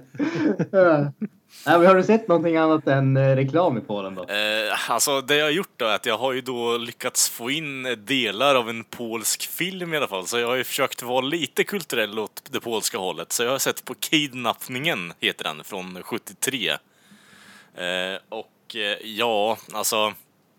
Jag kommer ju in i ett skede i filmen där det är en eh, vit polsk 14-åring eh, och en eh, eh, åttaåring polsk blond eh, liten tjej eh, som är ja, omringad av eh, svarta män i Afrika. Eh, då kommer en explosion in i bilden och eh, det springer ut en elefant därifrån. Och det var så jag blev introducerad till den här filmen i Polen. Ehm. Eh, så jag har gjort lite efterforskningar på den här nu. Då är det synopsisen då. Eh, 14 year old Polish boy Stas Tarko, eh, Tarkovsky and 8-year-old Nell Rawlinson from England are kidnapped as the hostages by Arabic fanatics and taken to the religious leader. They, then they manage to escape and try to return to their fathers. Uh, children have a lot of dangerous adventures. Meet two black kids, uh, Callie and Mel- Mia, who also help them. Make a friendship with an elephant and help one of black's uh, tribe. Alltså den här synopsisen är så bra skriven. Uh, finally they manage to return. Based on a great novel, uh, the same no- uh, title by Nobel receiver for all his literary output. Det är Google Translate här eller? Ja, i stort sett om jag har förstått den här. För det var inget sammanhängande alls. Men det är typ så jag skulle beskriva den här filmen också. Det är en stor jävla kompott av saker som händer. Och eh, det fanatiska arabiska liksom religiös kult som springer omkring och bombar, alltså brändbombar en eh, afrikansk by. Eh, det är en scen i den här filmen. alltså, det, det, det är så jävla fucked up den här filmen så det är inte sant. Det, Alltså jag känner bara att lyssnarna kommer ju kasta sig över en tre timmar lång polsk film från Ja. 1973. Ja. jag menar det. Men den hade den där scenen som faktiskt drog mig in och faktiskt ville... Vad fan är det här för någon jävla skitfilm? Och det var ju den där... Jag kom in perfekt där verkar det, som att. Det, det var den där explosionen, elefanten kommer ut ur röken och sen så är det svarta människor och eh, det är arabiska kultledare som springer ut och skriker Allahu Akbar och skjuter med sina gevär. Det var det som hände i den scenen. Jesus. Nej men alltså, det, jag vet inte, jag såg den och sen slumrade jag till och sen såg jag lite på den igen och sen så, alltså, jag tror aldrig jag skrattat så mycket åt en film för jag visste fan inte vad som hände i den här jävla filmen. Annat än det som utspelade sig på skärmen, för det gick inte att få några subtitles. Så jag har då sett på en helt utländsk film utan att veta vad fan det är som händer, utan att läsa på synopsisen som jag fått lite kontext på vad det är som har hänt. Och, och jag tror, kan, jag tror nog fan att det kan vara Ja, det, var en, det, var en, eh, det var en bra stund i mitt liv ändå, att man eh, fick skratta så mycket åt en film utan att veta vad fan som hände. Jag tyckte det var en uppfriskande upp, eh, alltså, upplevelse ändå. Så ja, det har jag gjort i veckan. Eh, sen har jag även hunnit klämma in eh, sam, samma resa i Polen, så han vi eh, vi hade en dag där vi var lite sjuka och tråkiga så vi satt och kollade på film och då kom vi upp på fallet Henry, eller Regarding Henry med Harrison Ford. Eh, också såhär bara, är det en komedi eller är det, jag vet inte, ett drama? Har ni sett filmen? Jag tror inte att jag har gjort det ärligt talat. Eh, det, det är ju då en film då Harrison Ford eh, blir skjuten och får hjärn, eh, alltså, hjärnskador. Så han blir en grönsak, så han glömmer bort allting som har hänt honom och allt han kan göra i stort sett. Han kan inte gå, han kan inte prata, han kan inte komma ihåg vad som har hänt. Och innan det här så har han ju varit en ganska framgångsrik och vårdslös advokat då, som har haft familjeproblem. Eh, och eh, ja, alltså jag tror... Mm. Eh, den, den mest underbara scenen i den här filmen då är när han blir skjuten i huvudet i en eh, ja, drugstore. For no apparent reason. han blir då skjuten i huvudet och resultatet av det som händer då är att han får en liten syltklick i pannan. Och 15 sekunder senare ligger han ute på gatan och eh, ja, li, ligger livlös i stort sett. Och då får han eh, ja, i stort sett hjärnskador av bara. En, en fråga, var det mycket lens flares i den här filmen? Eh, ja, det, man kan tycka det med tanke på att det är JJ Abrams som har skrivit filmen. Så eh, Fanservice? ja, det, det lite så kanske om man känner så, men eh, ja, det ska man säga. Det är liksom prequel. Det, var så här, det, här med Star Wars-filmerna har legat lite i eh, lä. Eh, för att JJ Abrams fick ju inte döda av Harrison Ford i Regarding Henry, så han dödade av honom i eh, The Force Awakens istället. Han fick sin revansch. Ja, precis. Nej, men alltså, vi hann inte se klart på den här filmen, men det... I slu, i, alltså, i, det jag drog ut från den här filmen är ju egentligen att Harrison Ford som grönsak går omkring och kollar på dels alltså porrbiograf i New York. Eh, han går och kollar Kände på... igen dig där eller? Ja, lite. Eh, det var bara runkbåsen jag tänkte på. Det var bara det man behövde byta ut, men annars var det helt okej. Men... Eh, en eh, Taxi Driver-kopia eller? vad? Ja, lite så. Det, man skulle väl kunna säga att det är ungefär typ, typ 20 år eh, framåt i tiden bara så har du den där. Den kom ut 91. Eh, men, eh, och sen så, ja han, det, det dummaste är att han, när han fortfarande har hjärnskador kvar så släpper de ju tillbaka honom på det där jävla advokatfirman. Eh, och ja, och sen så hilarity ensues så det blir dålig stämning på kontoret och folk han, han verkar ha haft sex eller haft relationer med innan, bortsett från sin fru. Jag vet inte, det är så här det är så nära en komedi man kan komma, men det står att det är en drama på IMDB, så jag vet inte, alltså, jag tror inte jag har skrattat så mycket åt en dramafilm på jättelänge. Det, för det är så mycket som är så out of place i den här filmen. Eh, och Harrison Ford verkar ju i stort sett bara ha kul med rollen, vilket var ganska upplyftande att se med tanke på att han spelar en...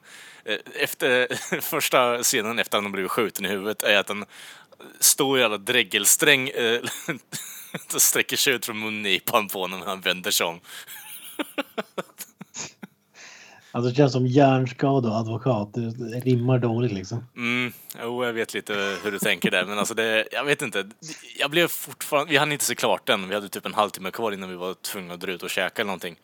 Eh, Så jag vet inte exakt hur den slutar, men nu är jag fan lite nyfiken på att leta upp den och se den från början till slut där eh, och få någon form av kontext på det hela. Så det...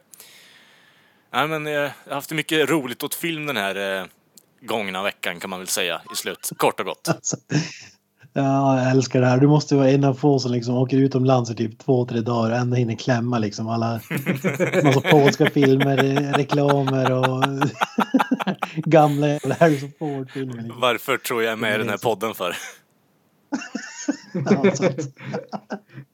Ja, klockrent. Mm. Nej men det är det jag har gjort den här veckan i stort sett i filmmässigt. Det har inte blivit lika mycket som jag hade velat och inte helheten på allting heller så. Men det har varit kul i alla fall har det varit. Något Persona 5? Ehm. jag var tvungen att tänka där. Eh, Ja, jag, jag satte fan igång och försökte spela i, i slutet på min andra omgång där, men jag kom inte så långt. Jag tröttnade lite på det faktiskt. Fan, alltså jag, jag måste ha börjat spela om det. Spela det spelet igen. Alltså jag har inte spelat Mm. om det, men jag började ju men sen så la jag ner det. Men alltså, äh, fan, jag är så jäkla sugen. Men det är bara så jäkla långt. Herre. Jo, alltså jag känner likadant nu alltså på andra om- omgången där bara, eh, på sista dungeonen också. Så det, det, jag, jag förstår vad du menar, för jag börjar känna nu att jag, min karaktär är overpowered och en level 99 och hela partyt också. Så det, jag vet inte. Jag har gjort allt jag kan göra, eh, bortsett från vissa strögrejer som jag skulle vilja göra. Men det innebär att jag ska göra, spela om hela spelet igen och det har jag ingen lust med för tillfället. Ja, ja, ska vi gå vidare? Yeah boy! Det är ju dags för ännu en uh, tungviktsgala här. Just det. Vi ska nämligen utse bästa science fiction-franchiset. Vi har ju utsett bästa action-franchise tidigare, även bästa horror-franchiset. Yes. Och nu är det science fiction. Och i vanlig ordning så har vi gjort några undantag. Kravet är att det måste vara minst tre filmer i serien. Eh, Och vi har plockat bort superhero movies. Eh, Och det innebär ju till exempel att filmer som Blade Runner-serien, Escape from New York-serien eh, och så vidare stryks. Eh, tragiskt nog. Mhm. Och det är samma upplägg som tidigare. Ställer två filmer mot varandra efter en eh, sidningsrankingorder. Och de slår ut varandra tills vi till slut bara har en film kvar. Är ni redo? Yeah boy! Ja. Första fighten. Terminator. Versus Hunger Games. Terminator. Terminator. Alltså, ja. Är det utan motivation? Jag tror inte du behöver ha någon motivation. Den ena är, försöker åtminstone vara genomtänkt. Det andra är utdraget cash grab. Eh, Den andra franchisen har blivit en utdragen cash grab nu på senare tid, men den börjar ändå som någon form av med tanke bakom sig, så Terminator blir det. Ja. Star Trek versus Riddick. Chronicles of Riddick. Eh, Star Trek. Alltså jag, jag känner ju att jag är lite, jag är lite dåligt eh, beläst om man kan säga så. Därför att eh, min erfarenhet av Star Trek är ju de nya filmerna som börjar med JJ Abrams och tre eller fyra avsnitt av Star Trek Discovery. Så att vad, vad jag kan, vad, från vad jag har läst på internet och så, så verkar jag ha sett de sämsta delarna av Star Trek än så länge. Ja. Eh, däremot så ska jag ju säga att jag är ju ett stort fan av första Riddick-filmen Pitch Black. Den har jag alltid tyckt har varit riktigt, riktigt bra. De andra två filmerna är inte i närheten av lika bra. Speciellt den andra filmen är rätt så dålig. Tredje tyckte jag var helt okej. Men... Nej, alltså... Vin- Vin Diesel i, sol, i Simlas ögon versus... Star precis, precis. Nej, alltså jag tror även om eh, det är den sämre biten av Star Trek så får jag nog säga att Star Trek får rösten där faktiskt. Jag tycker Pitch Black är riktigt, riktigt bra, men jag tycker nog att Star Trek-filmerna faktiskt är bättre än de andra två eh, Riddick-filmerna. ja, jag, har- jag, som sådär, jag har inte sett alla Star Trek så jag kan inte uttala mig. Men av, jag har bara sett de nyare. Eh, men jag tycker ändå att de är bättre än någon av Riddick-filmerna. Mhm. Inklusive Pitch Black. Så, eh, Star Trek och vidare alltså. Nästan här är tuff. Godzilla vs Planet of the Apes. Ja, alltså, jag, jag säger, för mig så är det ju Planet of the Apes. Första originalfilmen med Charlton Heston är ju ett mästerverk. Det är ingen som helst tvekan om den saken. Eh, de eh, andra filmerna som följde på den serien var väl från bra till medelmåttig om man säger så. Jag tycker inte att någon av dem är riktigt dålig. Däremot så fick ju eh, Planet of the Apes ett riktigt uppsving med den här nya trilogin. Nu ska jag erkänna att jag har inte sett den sista delen, men de två första tycker jag är eh, fantastiskt bra filmer faktiskt. Och de, eh, de, de gör rättvisa åt eh, originalet med Charlton Heston. Eh, vad fasiken var filmerna som ställdes emot? Godzilla. Ja, just det, Godzilla. Alltså där, där är det ju så att första Godzilla är ju riktigt, riktigt bra. Sen så däremellan så har det ju varit så jäkla många av så extremt varierande kvalitet så att Alltså även om första Godzilla är ett mästerverk så får jag nog ändå ge det till Apornas planet alltså. Jag, jag har alltid, alltid tyckt om de filmerna. Jag skulle ändå vilja säga att eh, Godzilla är väl ändå en monsterfilm så rent tekniskt sett så vinner väl Apornas planet på sci-fi-fronten där. Ah, jag vet inte om jag håller med där alltså. Nog skulle jag säga Mm. att Godzilla är lika mycket science fiction där. Ja, Okej, ja. Ja, ja, det, känns väl så, det, det, känns som en diskussion för en annan tid. jo, jo, men hur som helst. Apornas, plan, Apornas planet går definitivt vidare, det är jag med bakom. Ja, då har vi tre. Eh, Alien vs Transformers. Alien. Alien. Herregud. Uh, ja, motiveringar är fler. Vi kan spara motiveringen till en tuffare fight kanske. Ja, precis. Eh, Mad Max vs Ghostbusters. Mad Max. Ja. Ghostbusters. Ja, du är två Jag är mot, beredd att lägga in ett veto här alltså. ja, två mot en. Du... Ja, ah, jag är inget stort Mad Max-fan faktiskt. Men eh, Ghostbusters, den första är ju magisk. Men det kanske är bättre, mer, det är ju mer en komedifilm, eh, Ghostbusters 1 2. Än Mm. science fiction kanske, så därför kan jag köpa det. Det är för en annan vecka kanske. Eh, Back to the Future vs Underworld. Back to the future. Ja. Fan, nu spinner vi vidare här. Blade vs Matrix. Alltså, Blade. Ja, Blade.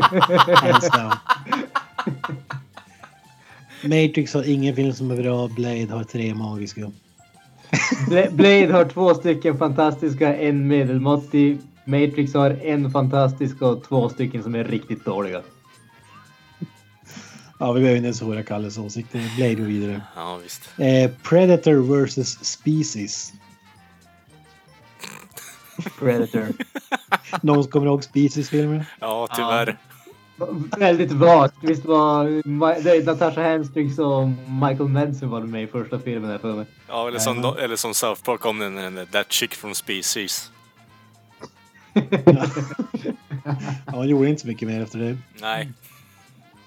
Ja, men, jag har inte sett den, men Predator, så...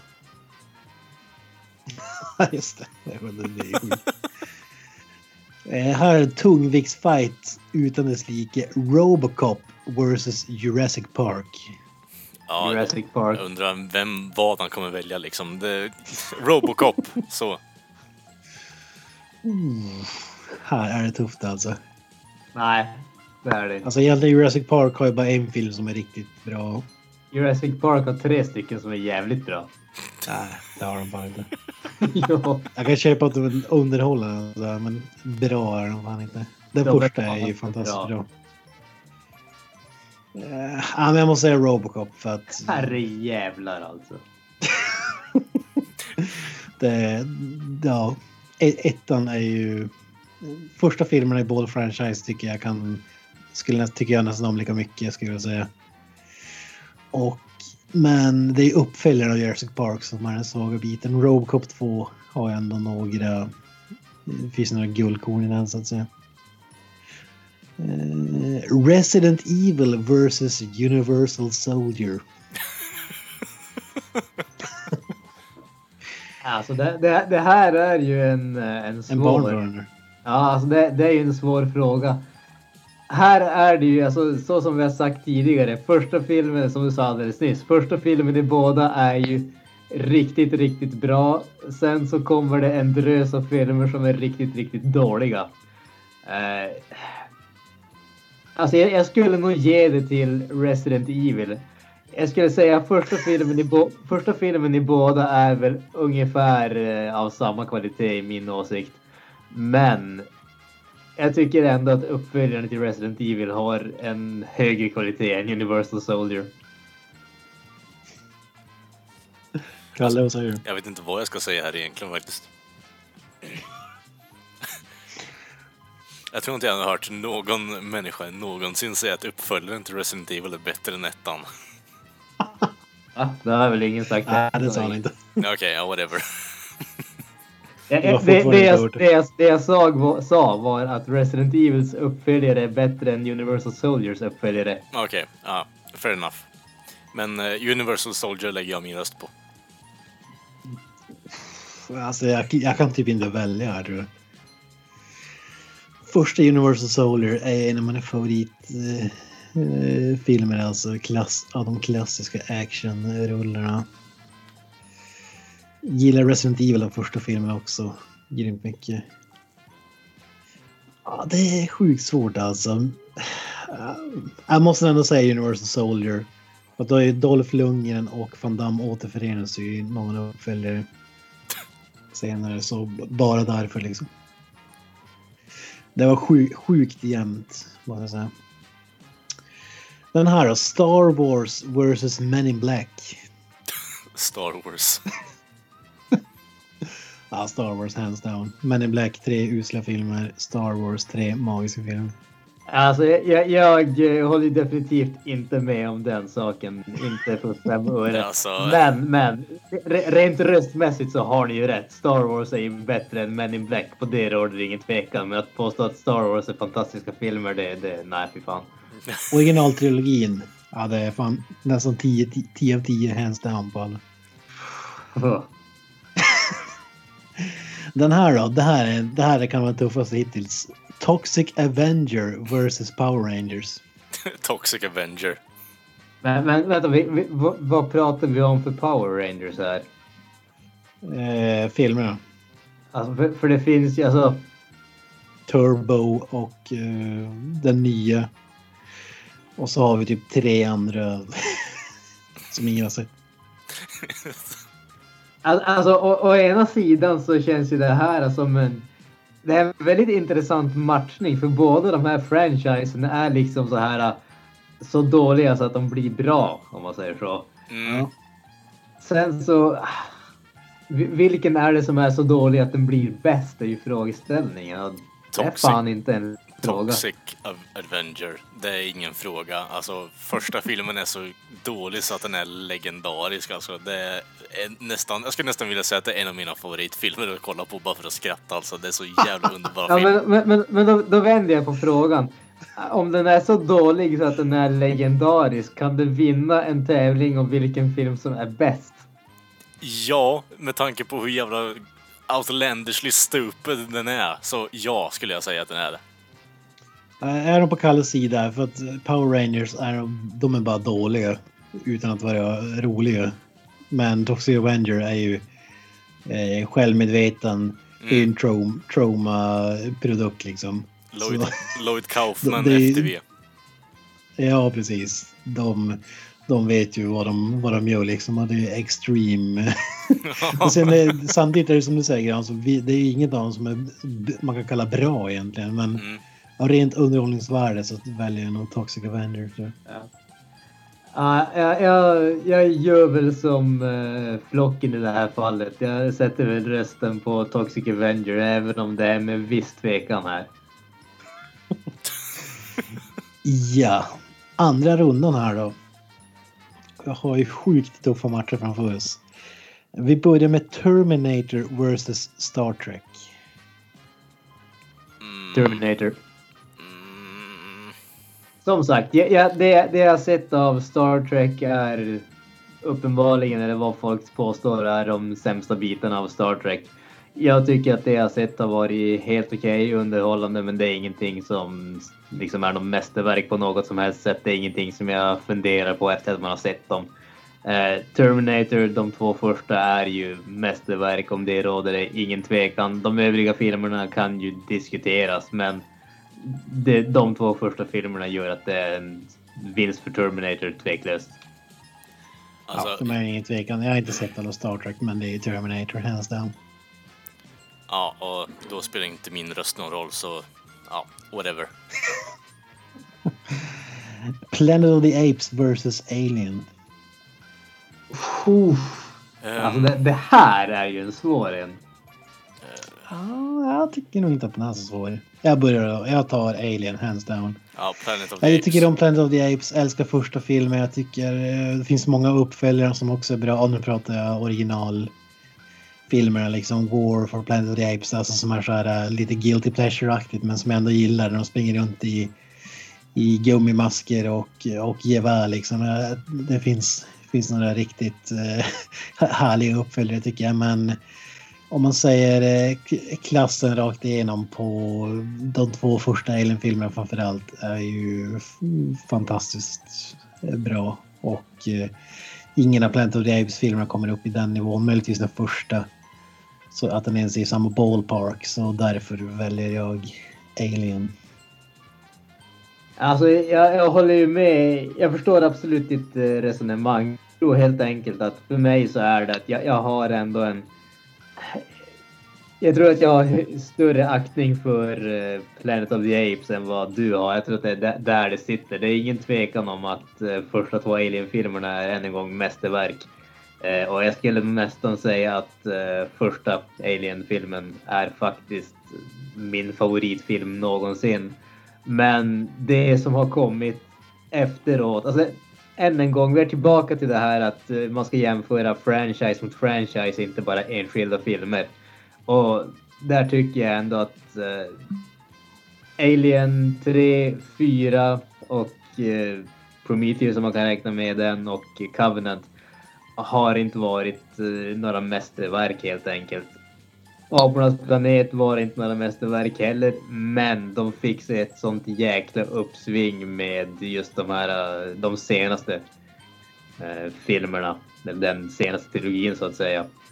Så att jag tror nog ändå, även om det Även om det skär i hjärtat för mig så måste jag nog ändå säga Apornas planet här alltså. Ja, Ridley Scott har gjort vad han kan för att uh, köra ner Alien-franchisen i botten då, eller? Ja, alltså han har ju definitivt gjort det. Alltså, den, ma- den mannen är det... Den mannen är det värsta som har hänt Alien franchise. Jag trodde aldrig jag skulle säga det. Men alltså, nej. Alltså fy fasiken. Ja, Jag säger det, han är nya George Lucas. Kan man säga. Gå, uppskruvad till max nästan. Ja. Nej, alltså... alltså hur man, kan hur man kan göra någonting så fantastiskt bra som första Alien-filmen och följa upp det med Prometheus. Det, det är liksom... Jag, jag förstår inte hur det går till. talat. Givet, det, det var några år mellan de där två filmerna. Ja, jo, jo. Visserligen, men ändå. Ja, vi behöver inte gräva ner oss i våra sorger vad som Vi, hände. vi har ju snackat skit om. Ridley Scott i två avsnitt tidigare i typ en halvtimme så vi kan gå tillbaka och lyssna på dem. Precis. Nej men Kalle, du har utslagsrösten. Vad, vad säger du? Ja, jag tar ju Planet of the Apes bara för att eh, Star Trek inte är med i nästa runda faktiskt. Det är typ det, det bästa med alltså, sci-fi som finns. Eh, Jag vet inte, så jag tar Planet of the Apes bara för att jävlas med er. Ja men om de ska en seriös röst? Vad väljer du då? Jag blir fortfarande Planet of the Apes i så fall med tanke på att, jag vet inte, det känns mer konsistent. Åh fy fan. Du har inte sett alla filmer eller? Har jag sett för originaltrilogin i alla fall så. Ja. Ja, ja, fan här, ja, det här var min favorit till att vinna hela den här eh, tävlingen, eller vad man ska kalla det. Men, ja, ja. Mad Max vs Back to the Future. Uh, ja.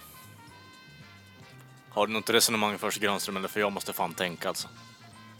Jag sitter och försöker tänka jag också här. Ja, Okej, jag säger det. Back to the Future, hands down. Är det Mad Max. hands down på den? Mad Max, några av de mest överskattade filmerna någonsin. Det är en film eh, av de ga- gamla trilogin som är riktigt bra. Den nya är riktigt bra, men Back to the Future håller ju nästan hela vägen. Alltså det är ju Alltså, det, det där är fantastiskt bra filmer och framförallt är det mer eh, science fiction eh, som jag ser det. Eh, så därför lägger jag min röst på Back to the Future. Inte för att eh, hålla på och klaga här, men att, eh, att säga att någonting är mer eller mindre science fiction känns som ett jävligt svagt argument. Speciellt när det var du som. Ja, gjorde ihop den här precis. listan. Exakt. Ja, men du- den här listan är ju baserad på en, en rankinglista av de bästa franchise. Det är liksom inte jag som tycker att eh, Resident Evil ska vara med på listan utan jag har bara tagit, plockat dem från en lista. En jag slängt in är Toxic Avengers och Power Rangers. Bara för att det skulle vara rätt antal eh, franchise.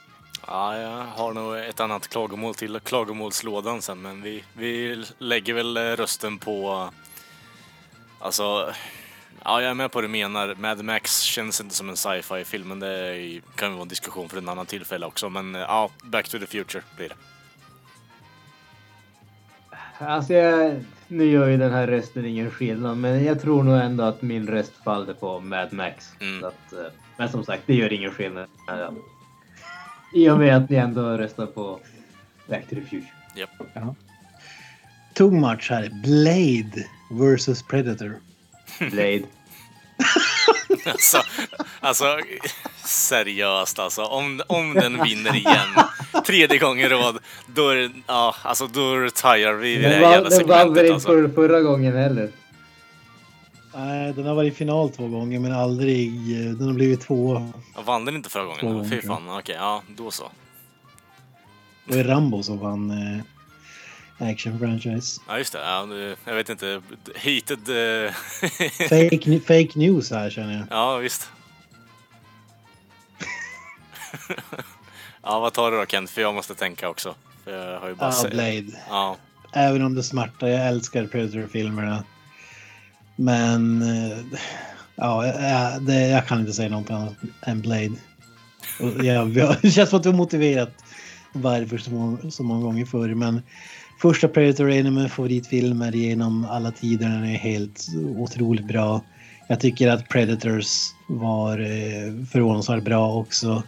Även om det inte är ett mästerverk. Men... Och eh, tvåan har ju sin charm med Danny Glover och he- hela den här biten. Men de två första Blade-filmerna är ju... Ja, det, det är två riktigt bra filmer mot en... Eller två fantastiskt bra mot en fantastiskt bra. Så därför vinner Blade. ja, med tanke på att jag bara sett av de här franchisen så får det ju bli Blade. 3-0! Det trodde jag inte. Eh, nu har vi då Robocop versus Universal Soldier. Robocop. Robocop. Ja, kör, vi skippar motivationen så vi går lite rappare fram. Och vi har då Star Wars vs Toxic Avenger. alltså, det här känns lite som en toss-up eh, svar egentligen, även om jag vill ha Toxic Avenger högre upp bara för att. Men ja, det... Alltså, ja, det får bli Star Wars. Originaltrilogin står över Toxic Avenger, även om det är en bra serie med filmer faktiskt. Underhållande i alla fall. Alltså, för, för min del känns det ju som att eh, Kenta har uh, skewat det här för att få Star Wars i finalen genom att Jo. sätta upp det mot jävligt dåliga motståndare. Jo, det, det är Det är riggat. liksom- Det är riggat utav helvete, det vet jag med. Men eh, vi vi spelar med bara för att Kent ska må bra, I guess. Precis, ja men som sagt min röst faller ju då på Star Wars. Det, det, tyvärr, men så är det. ja, Star Wars hands down. eh, då har vi faktiskt tre matcher kvar innan det är dags för final. Ja, vi börjar med Terminator vs Planet of the Apes. Eh, Här är ju svårt för att Planet of the Apes har gjort så sjukt många filmer. Mm, Så jag vet inte om argumentet med eh, Terminator är också en hel del filmer men inte i närheten lika många som Planet of the Apes. Är- Det måste ju vara tio stycken eller? Minst. Vad sa du? Planet of the Apes? Ja. Eh, det är fem stycken i första serien, det är Tim Burtons remake plus tre stycken, så det blir nio. Borde det Mm. vara. Fan, är det inte mer än fem alltså? Det känns som att det var typ sju. Ja, jag tror att det är fem. Jag är ganska säker på att det är fem. Ja. Ja, du har säkert rätt. Ja, i och för sig, då är det kanske inte så jättestor skillnad. Vad, vad har vi Terminator? En, två, tre, fyra, fem då? Ja, ja men det... Ja, det är en stor, stor skillnad måste jag säga. Ja, hur, hur, vad säger ni? Uh, ja, vad fan säger man alltså? Det... Ah, Granström, har du någonting att börja med? där? För jag känner att det slår, slår, ja, slår lås i huvudet på mig för tillfället. Ja, Alltså för, för min del så än en gång, alltså det faller, för, faller på Planet of the Apes här alltså. Jag tycker, alltså första Planet of the Apes än en gång mästerverk. Jag tycker att de eh, andra är helt okej och den senaste trilogin här är riktigt, riktigt jäkla bra filmer. Åtminstone de två första. Jag har inte sett den avslutande.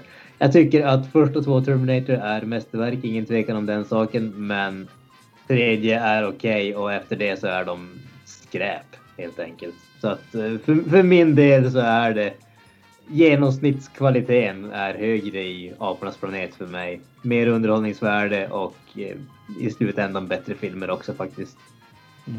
Jag gör det lite spännande. Jag säger eh, Terminator. Först, första filmen, en av de bästa filmerna som har gjorts. Action-wise i alla fall. Tvåan också riktigt bra. Jag föredrar dock ettan framför tvåan. Trean värdelös. Eh, jag tyckte att eh, Terminator Salvation var ändå eh, ett steg upp från den, även om den inte var magisk på, på något sätt. Och eh, det sista är ju bland de sämsta filmer jag sett. Typ. Planet of the Apes har ju som du säger, ja man, kan- man kan väl säga att den är mästerverk den första. Fa, fantastiskt bra. De gamla filmerna håller jämn, jämn nivå utan att någon sticker ut. Eh, sticker ut sådär. Eh, Tim Burton slaktade ju franchisen med sina remakes. Däremot den första av den nya trilogin tycker jag är riktigt bra. Den andra, Dawn of Planet of the Apes, tyckte jag var riktigt dålig. Eh, den tredje har jag inte sett än. Men eh, jag måste säga, och med tanke på hur många försök Planet of the Apes-filmerna har haft jämfört med Terminator så måste jag ändå säga att Terminator är mer quality trots att det finns mycket skit där så att säga. De sämsta Terminator-filmerna är ju sämre än de sämsta Planet of the Apes-filmerna kan man ju säga men... Ah, jag jag måste säga Terminator alltså. Ja, alltså rent... Eh, jag vet inte. Det här är ju två filmer som ändå har förtjänat att vara på toppen av alltså, sci-fi-listan kan jag tycka. Så det är egentligen svårt för mig att sätta någon form av definitiv, alltså det här är bättre än det andra. För det, som ni båda säger så är, har båda filmerna liksom mästerverk i sig. Eh, konceptet är helt underbart på båda.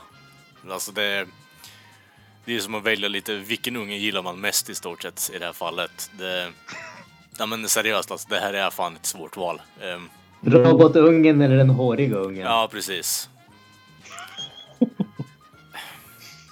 Ja, men jag gillar lite mer konceptet alltså att samhället har kollapsat in på sig själv och vi har, ja, det har blivit övertaget av primater. Eh, så Planet of the Apes eh, får väl lite det där mer råa i sig. Eh, att vi på något sätt har påverkat vår egen downfall istället för att vi åker tillbaka i framtiden och räddar samhället igen på nytt och förändrar tidslinjen 55 000 gånger. Så Planet of the Apes vinner, tror jag. Det blir det, för min del.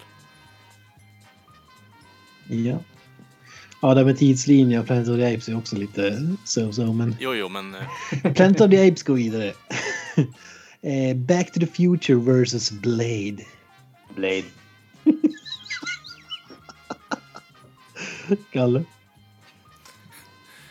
ja, alltså... Tänk... Ja, nu, nu pratar vi science fiction här. Alltså, ursäkta mig om jag är sån, men alltså det, det är Back to the Future. För, för det enda jag tänker på, jag kan köpa... Vad fan var det vi hade första jävla... Eh, vad var det första vi röstade om? Vad- Vilken genre var det då? Inte action? Horror var det. Horror. Ja, det, Horror, det, action och nu science fiction. det, det kan det vara lite sketchy att Blade är med på faktiskt. Jag kan köpa vampyrkonceptet, absolut. Actionfilm har det definitivt med på, så det kan jag vara med på att den kommer högt upp. Men att den är med på science fiction, alltså, nej. Nej. Jag, ja, jag, varför kö- inte? jag köper det fan inte. Det, det, det blir för mycket alltså. Det, nej men alltså när det kommer till science fiction så tänker jag mer på du bygger en tidsmaskin, du, du förändrar konceptet kring eh, hur man tänker på tid och allt sånt skit eller liknande. Du gör någonting som är lite... Ja, vampyrer har ju funnits innan och det... Jag vet inte, det- jag tolkar inte det som science fiction även om det är mycket high-tech vapen och sånt jox. Men det, det är inte science fiction för mig. Science fiction är när du jag vet inte, förändrar omgivning kring dig själv och det är fan mig eh, Back to the Future ett nötskal, så Back to the Future vinner. Tycker du att Resident Evil är mer science fiction än Blade? Nej, jag tycker inte någon av dem är science fiction. Ja, okej. Ja. ja. Här är ju... Um, valet är ju enkelt egentligen, men... Eh, Back to the Future, om vi ska snacka om uppfuckad timeline, har vi också det problemet, om man, om man nu ska räkna in det. Men Back to the Future älskar de filmerna. Blade älskar de filmerna. Men... eh, Ja, jag måste säga Blade alltså, om jag, om jag måste välja. Du valde rätt. Blade tar sig till final tredje gången i rad och då har vi ändå kvar, vi har ju kvar komedi, drama. Jag, jag tror vi kan argumentera för att den ska med där också faktiskt. Såklart. Sista fighten innan finalen, Robocop vs Star Wars. Ja, Kalle? alltså... Vad tycker jag om mer? Tycker jag om eh, lite av en cookie cut- cutter liksom äventyrsfilm eller tycker jag om någonting revolutionerande och nygjort? Alltså, i det här fallet går ju Robocop vidare. Jag är ledsen alltså. Ro- Robocop går vidare Cookie först. cutter. Ja? Ja, men är, Star Wars är ju en eh, klassisk upplägg på en äventyrsfilm. Det har gjorts flera gånger tidigare innan. Robocop, du har inte sett en eh, alltså, människa blir sönderskjuten med en hagelbössa av fem människor och sen blir omgjord till en robot och sen bekämpa brott. Det, Robocop vinner science fiction eh, där, gör den. Vart hade du sett Star Wars innan? Eller? Ja, inte jag, men det har ju gjorts innan. Det var ju det jag syftade på. Svagt argument. Jag röstade hands down på Star Wars. Det är den bästa science fiction-trilogin, eller vad säger jag, franchiset av de här två. Hands down. Robocop har ju en film, fantastiskt bra. Star Wars har ju tre, fantastiskt bra. Tre fantastiskt usla. Och en helt, två helt okej. Robocop har ja, de är väl underhållare de andra två, men jämfört med Star Wars så ja, jag tycker inte att det är någon, någon snack om saken egentligen. Det är Star Wars. Ja, jag, jag säger ju samma sak där. Alltså, det är ju inget snack om saken att det här är Robocop alltså. Eh, Blasphemy.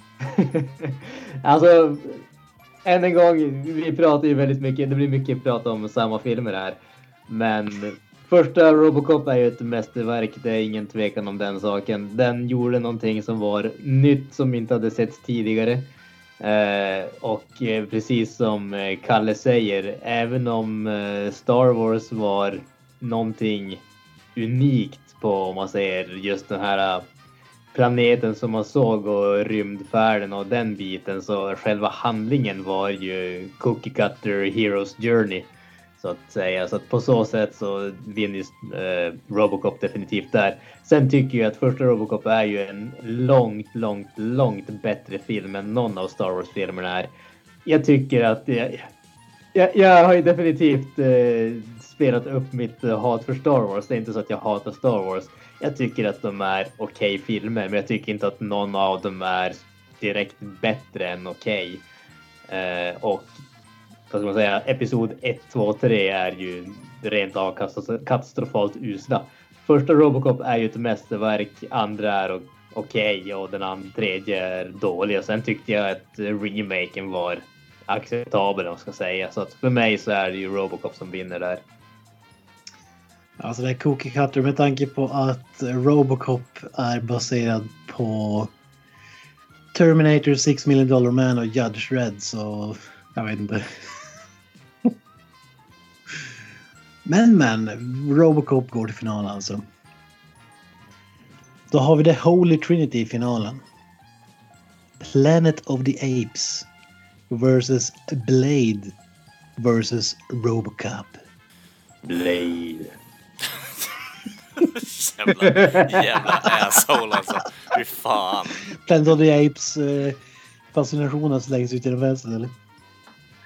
Eh, ja, alltså så är det ju. när, när, det kommer till eh, fantastiska mästerverk, bra filmer och eh, the essence of cool så är det ju Wesley Snipes som tar rollen där.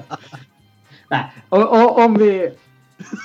För, för att inte trolla allt för mycket eller mer än nödvändigt där.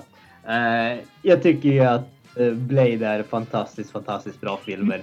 Men... Eh, jag Hur många gånger har vi sagt, sagt Blade fantastiskt bra? Jag tror inte vi kan eh, liksom dra ut mer content på det här annat än att du säger att... Jag vet, jag tror fan vi kan klippa upp tre timmar när du säger att Blade är fantastisk. fantastisk Ja men det är ju fantastiskt jag vill vara säker på att alla vet att det är fantastiskt. Jag tror de har så fattat det det. någon som har hört det vid det här laget så Blade-filmerna är fantastiska. Ja, då bra. Då kan vi gå vidare. Ni hörde det här först. Precis. Eh, nej men faktiskt, faktiskt. Jag, jag, som sagt, jag, jag har ju ändå uh, trollat lite grann mer såklart. Så Jo, att, jo. eh, jag, jag, jag, alltså för, för mig i det här Det läget. är ännu eh, ett fall på målsnurret alltså för Blade, det är det jag säger. Alltså, ja faktiskt. Alltså det, det står ju, för mig så är det ju mellan Blade och eh, Apornas planet. Och alltså, det känns ändå som att Apornas planet gjorde någonting som eh, kändes än en gång. Alltså det, det gjorde någonting som haft så stor inverkan på science fiction, den science fiction som kom efteråt. De är, första filmen är som sagt fantastiskt, fantastiskt bra. Och eh, den nya trilogin är riktigt, riktigt bra den också. Jag tycker att första två Blade-filmerna, än en gång, jag har sagt det så många gånger vid det här laget, men de är otroligt bra filmer. Tredje filmen är eh, okej, men Apornas planet vinner ut här. Alltså, tyvärr, det, det, än en gång, det skär i hjärtat att säga att eh, rösta emot min favorit nästan, men alltså Apornas planet, det är bättre. Så är det. Ja. Chocken var så stor så att det vart bara tystnad efteråt. ja, jag var beredd att lägga min röst på Blade faktiskt, men nu... Ja, Jag har ju de solklara finalisterna som jag såg här. Det var ju Alien, Terminator och Star Wars och ingen av dem är liksom kvar. Eh, ja, det står ju mellan Blade och Planet of the Apes för mig alltså. Planet of the Apes. Hands down måste jag säga om de här konkurrenterna. Jag tycker att final-franchise vi valde här är ju svagare än många matcher vi har gått igenom tidigare så... Ja, det är Planet of the Apes för min del. Eller vad säger du Kalle? Eh, alltså, ja, om vi ska prata Dream Lineup här i finalen då så hade jag velat se Star Trek med tanke på att det är typ the fucking sci-fi series, eh, eller franchise överlag. Det, det, det är typ det jag tänker på när jag tänker Men är sci-fi. filmerna, är filmerna så bra verkligen? Är, är inte serierna som Ja, men det är serien, serien jag tänker på. Men eh, när vi tänker franchise så tänker jag helheten. Ja, vad då? Alltså, va? Ja, men du kan ju inte räkna in serierna i ett movie franchise. Ja, Okej, ja, whatever. Men eh, det, det blir ju som små filmer i sig också med tanke på att de är på typ en timme långa avsnitten också. Så. Bullshit. Det är, ju- är inte, är inte, ja, jag har inte sett någon av de gamla Star Trek-filmerna, men är inte de liksom sågade filmer eller? Eh, nej, det skulle jag inte vilja påstå att de är. Ja. Nej, men i det här fallet så får det ju bli då Planet of the Apes, som ni säger. Eh, även om jag alltså älskar första och andra Robocop-filmerna eh, så... Alltså, det, det har inte samma genomslag och eh, jag vet inte, igenkänningsfaktor som eh, Planet of the Apes. Så det är ju mer bara... Ja, jag skulle säga att det är mer igenkänningsfaktorn och eh, alltså spridningen som filmen har fått. Eh, som gör att det är en mer, ja ska man säga, det, det mer, the go-to sci-fi series av de här tre filmerna, alltså franchisen i så fall, är det. Ja. ja oväntat vidare ska jag säga. Jag är chockad över att vi alla tre faktiskt röstar på samma sak. Det är ju helt bisarrt. Ja, men det var ju för att Star Wars åkte ut så tidigt. Ja, Men det hade inte åkt ut om det inte hade varit så dåligt. I know. Ja, ja, blasphemy, men det är alltså Planet of the Apes som är det bästa science fiction franchiset enligt eh, ja, den här utslagsomröstningen i alla fall. Tätt av Blade och Robocop. Spoiler alert! Spoiler alert! Spoiler alert! Jag Granström har ju som sagt varit på bio. Var ju på premiären tror jag till och med att det var av eh, mordet på Orientexpressen. I see evil on this train.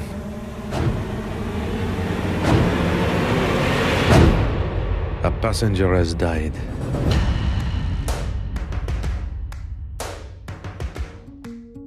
So they got him after all. You assume he was killed? No, no, no.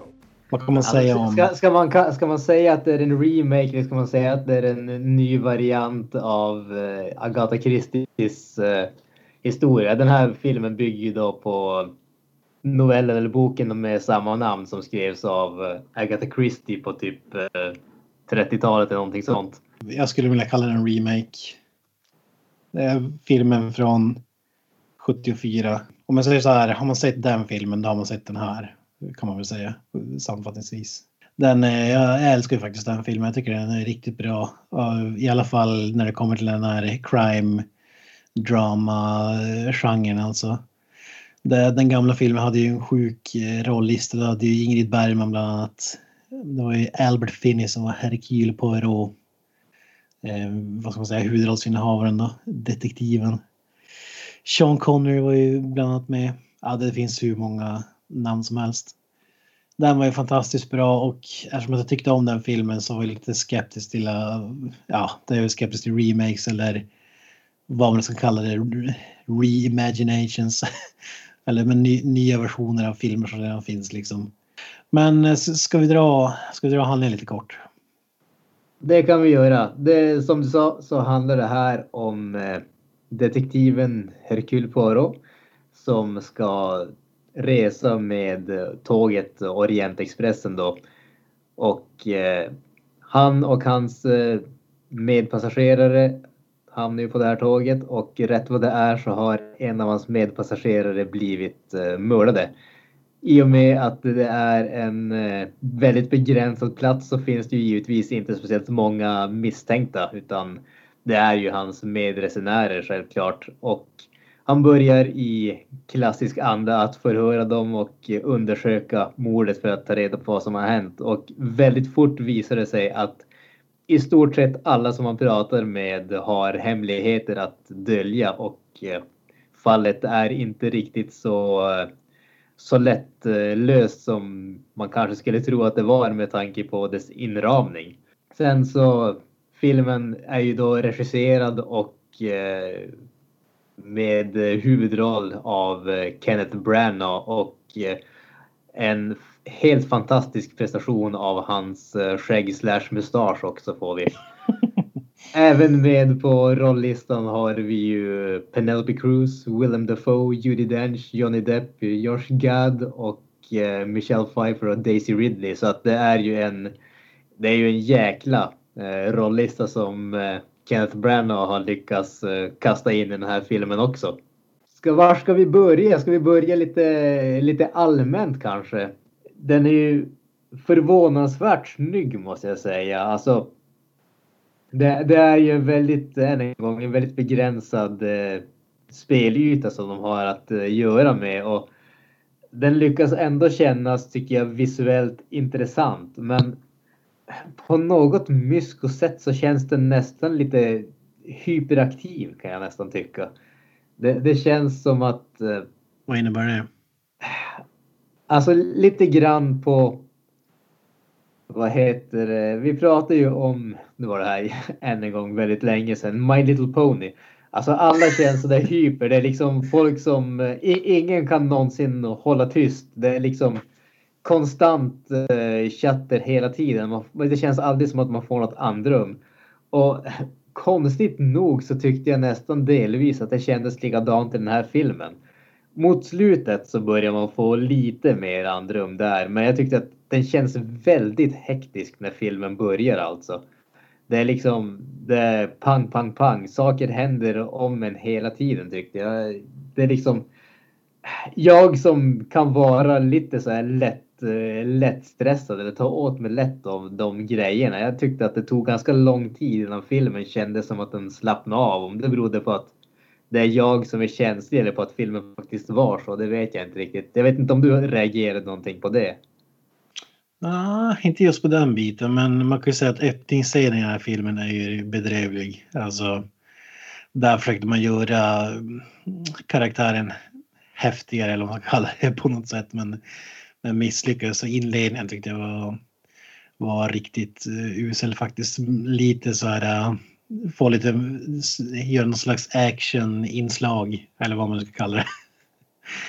Men eh, jag vet inte om jag tänkte på, på det så att det chattades hela tiden så där. Alltså, karaktären i de andra filmerna och serierna, han, han är jäkligt hyperaktiv. Han pratar liksom supersnabbt och supersmart och det går som inte att förklara hur han är men vad heter det? Mm, ja, så kanske det kändes lite som att den här filmen liksom, ja, det var lite hommage, men kanske det skulle vara eh, lite som en gammal film också. Alltså lite överspelade karaktärer. Ja, jag vet inte. Men just det här med hyperaktiv, det var inget jag tänkte på i alla fall. Men däremot alltså, de, de ansträngde sig för att byta miljöer i alla fall. Det var väl något som jag stod lite på. Alltså för att ta sig utanför tågvagnen, vilket jag tycker var slutändan var väl bra, men det kändes som att ja, hur, hur kan vi filma det här utan att vi inte måste vara i en tågbil liksom? Jag störde mig inte på att de eh, just som du säger den här miljöombytet. Alltså till viss del känns det lite påtvingat just att de vill ta sig ut ur tåget. Mm. Men eh, jag tyckte snarare att eh, det kändes ganska så välkommet för de lyckas ändå göra jag tycker de lyckas göra ganska mycket av det så att säga. Det känns även om filmen till liksom 90% utspelas på ett tåg så känns den den känns stor på något sätt. Den känns inte klaustrofobisk. Om det sen är meningen eller om det kanske hade varit bättre för filmen i slutändan att man hade haft den där klaustrofobiska känslan svårt att säga, men jag tycker ändå att de lyckas få filmen att kännas stor på ett, eh, på ett bra sätt trots att den är, är utspelas på en så liten yta. Mm. Jag tror att originalfilmen var liknande också. Eh, att man rörde sig lite utanför, men det känns, känns mer som en sån här ursäkt för att få till några häftiga scener. Jag, jag tycker att det hade varit häftigare om man bara hade utspelat sig i en tågkupé. Det är väl det jag tänker att filmen hade lika gärna kunnat göra det till 100 mm. procent och du hade, du hade fått samma film. Men de valde att liksom röra sig ja, utanför det liksom för att Ja, för, kanske för att få lite bi, bio, biokänsla eller sådär. Ja, nej, men det, det, det, tror jag nog att du har rätt i. Alltså, det känns ju inte som att de bitarna tillför någonting till filmen. Alltså, det gör ju ingenting extra till handlingen eller karaktärerna. Men det gör ju att det kanske blir lite mer visuellt intressant. Du får lite avbrott i den här ena hand och tågmiljön så att säga. Mm. Så att jag, jag, tror att det, det kan nog säkert vara därför, alltså bara för att man ska få lite variation. Vad tyckte, ja, du, om, vad tyckte du om eh, rollprestationerna? Kanske Kenneth Branagh i synnerhet då i och med att han har tagit över den stora rollen som Hercule Poirot. Mm. Det som är i de gamla filmerna, det är Hercule Poirot som är stjärnan. Han bär ju de filmerna liksom för att han är så otroligt bra. Jag, vet, jag skulle sammanfatta Kenneth Branaghs insats med ost. det var ju bland det ostigaste man sett alltså. Jag var på väg att säga mellanmjölk, ja men okej. Okay. Ja men den här uh, over the top mustaschen alltså. Alltså det, det känns ju, jag, jag, måste säga att jag är nästan lite ledsen över att uh, hans mustasch inte fick en egen uh, castlist så att säga. Det skulle ha stått, Kenneth Branagh as Hercule Poirot and Kenneth Branagh's mustache as Hercule Poirot's mustache. Alltså hur ska man beskriva den här för de som inte har sett filmen? Så hur fan ska man beskriva mustaschen? Den går över hela ansiktet verkligen. Fantastiskt. Alltså, alltså, det är på gränsen. Hade jag haft skäggväxt och mustaschväxt så jag kunde ha en sån, då skulle jag ha den alltså. Det, det, det, är, alltså, det är det mest underbara jag någonsin har sett. Det, den stjäl varenda scen som han är med i. och Han är med i stort sett hela filmen dessutom. Ja, ja den, den är ju... Den är ju distraherande, minst sagt. Tycker jag. Och jag förstod verkligen inte hur man tänkte. Men jag tror gissar bara att man ville ha liksom komisk touch och att det inte skulle kännas som att det var exakt som Hercule Poirot utan det här är en liksom eh, lite som när eh, superhjältefilmer möter en större version av sig själv liksom i slutet så är det liksom vi ska ha större mustasch för att visa att det här är större grejer än vad originalet var. Han, han, han tyckte jag var bland de svagaste korten i filmen. Däremot måste jag säga att Johnny Depp faktiskt var... Vi pratade lite om det när vi gick ut från bion där att han har ju inte gjort något som man ska säga har känts så där riktigt bra sedan den första Pirates-filmen. Jag vet inte när den kom, men början av 2000-talet eller något. Ja, jag tror det. 2001, 2002 någonstans där omkring. Det, känd, det kändes ju, alltså jag tror att det, det, för han gjorde ju i stort sett, han har ju gjort Jack Sparrow sen dess känns det ju som. Han mm. gjorde, alltså de hittade, de klickade riktigt rätt med den karaktären i första, eh, första Pirates of the Caribbean-filmen. Och efter det så har han gått på autopilot efteråt så att eh, det känns nu först känns det som att han faktiskt har fått göra en roll som krävde krävde att han gjorde någonting annat än Jack Sparrow så att säga. Ja, precis. Och jag tycker faktiskt att han gör det riktigt bra i den här filmen också. Mm. Ja, det är första gången sedan första Pirates som han har fått liksom känns som att han är tillbaka liksom. Han har ju eh, skämt ut sig i Task bland annat. Alla de här eh, Tim Burton-filmerna som mm. var det ser ut som att han har gått på liksom ja, något lugnande. Men eh, däremot Daisy Ridley tyckte jag var det bästa med hela filmen nästan. Jag tyckte hon var helt klart den bästa karaktären eh, skådespelarinsatsmässigt i alla fall. Tänkte inte ens på Star Wars en, en enda gång faktiskt. Jag må, alltså, där, där måste jag ju säga att jag är tvärt emot dig faktiskt. okay. äh, inte, inte tvärt emot. jag tyckte att hon gjorde en helt okej okay roll. Men äh, jag hade, jag, jag, tänkte ju direkt på Ray när hon var inne i bilden. Alltså jag, jag vet inte det, det, det var någonting. Hon gjorde inget, inget intryck som var speciellt starkt för mig där måste jag säga. Den som för mig stal, stal scenen var ju Michelle Pfeiffer. Jag tyckte hon var riktigt, riktigt bra. Jag skulle nog säga att eh, hon och eh, Johnny Depp var väl de som stod ut mest i min mening. Mm. Ja, det, jag, tyckte, jag tyckte inte om henne faktiskt. Men eller jag kanske ska säga att Daisy Ridley, att man blir lite, lite förvånad liksom. Jag har bara sett henne i Star Wars tidigare, jag har aldrig sett henne och där är, känns det lite cardboard character. Uh, här tycker jag nog visa upp att hon faktiskt kan göra andra sorters roller också. Men det kanske säger mer om resterandes insatser än, än hennes, jag vet inte. Alltså jag tycker överlag så tyckte jag att eh, det var helt okej okay rollprestationer. Jag tyckte kanske inte att det var eh, någonting som var exceptionellt, även om jag tyckte som sagt Johnny Depp och Michelle Pfeiffer var riktigt bra. De andra tycker jag är, de, de är från okej okay till bra. Jag tycker inte att det är någon som är riktigt dålig. Det är väl alltså Kenneth Branagh är väl kanske nästan det svagaste kortet, ja, vilket är lite synd klart. egentligen för han är ju han är en bra skådespelare. Det är ingen tvekan om den saken. Men jag vet inte riktigt vad han försökte göra i den här rollen. Jag tror, jag tror det är det som ja. är mitt problem här. Jag tror de visste inte vilken ton de skulle ha egentligen. Om, om det skulle vara liksom mer komedihållet eller om de skulle vara gravallvarliga eller vad det skulle vara. Det känns som att det är lite eh, all over the place för att citera prinsen. Ja, precis. Ja, ja men eh, filmen i stort då, vad, vad tycker du om den? jag tycker att det är en okej okay film. Det är än en gång, jag har sagt det tidigare, du påpekar att jag sagt det, men det är liksom. Det är okej. Okay. Ja, precis. Det, det, det, är bra hantverk. Men jag vet inte om jag tycker det faktiskt. ja, men jag, ty jag tycker ändå det. Men som sagt, det är ingenting som är exceptionellt på något sätt, men jag tycker inte heller att det är någonting som är riktigt dåligt på något sätt eller någonting som är direkt dåligt, utan det är en, en medelmåttig film där de som har gjort den har vetat vad de de har vetat vad de har sysslat med, men de har inte lyckats göra någonting, någonting bättre än, än det helt enkelt. Eh, jag skulle väl säga om man ska sätta ett betyg på den här saken. Jag skulle nog sätta en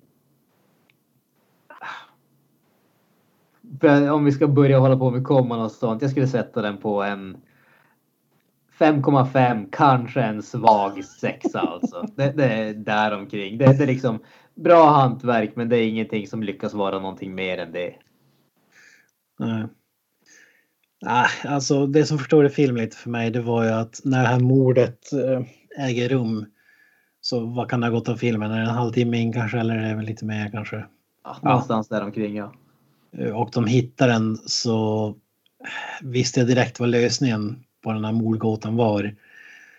Så det blev, och eftersom att hela, hela filmen kretsar kring att alltså who did it, alltså ska ta reda på vem som är mördare liksom, får man lite ledtrådar här och där.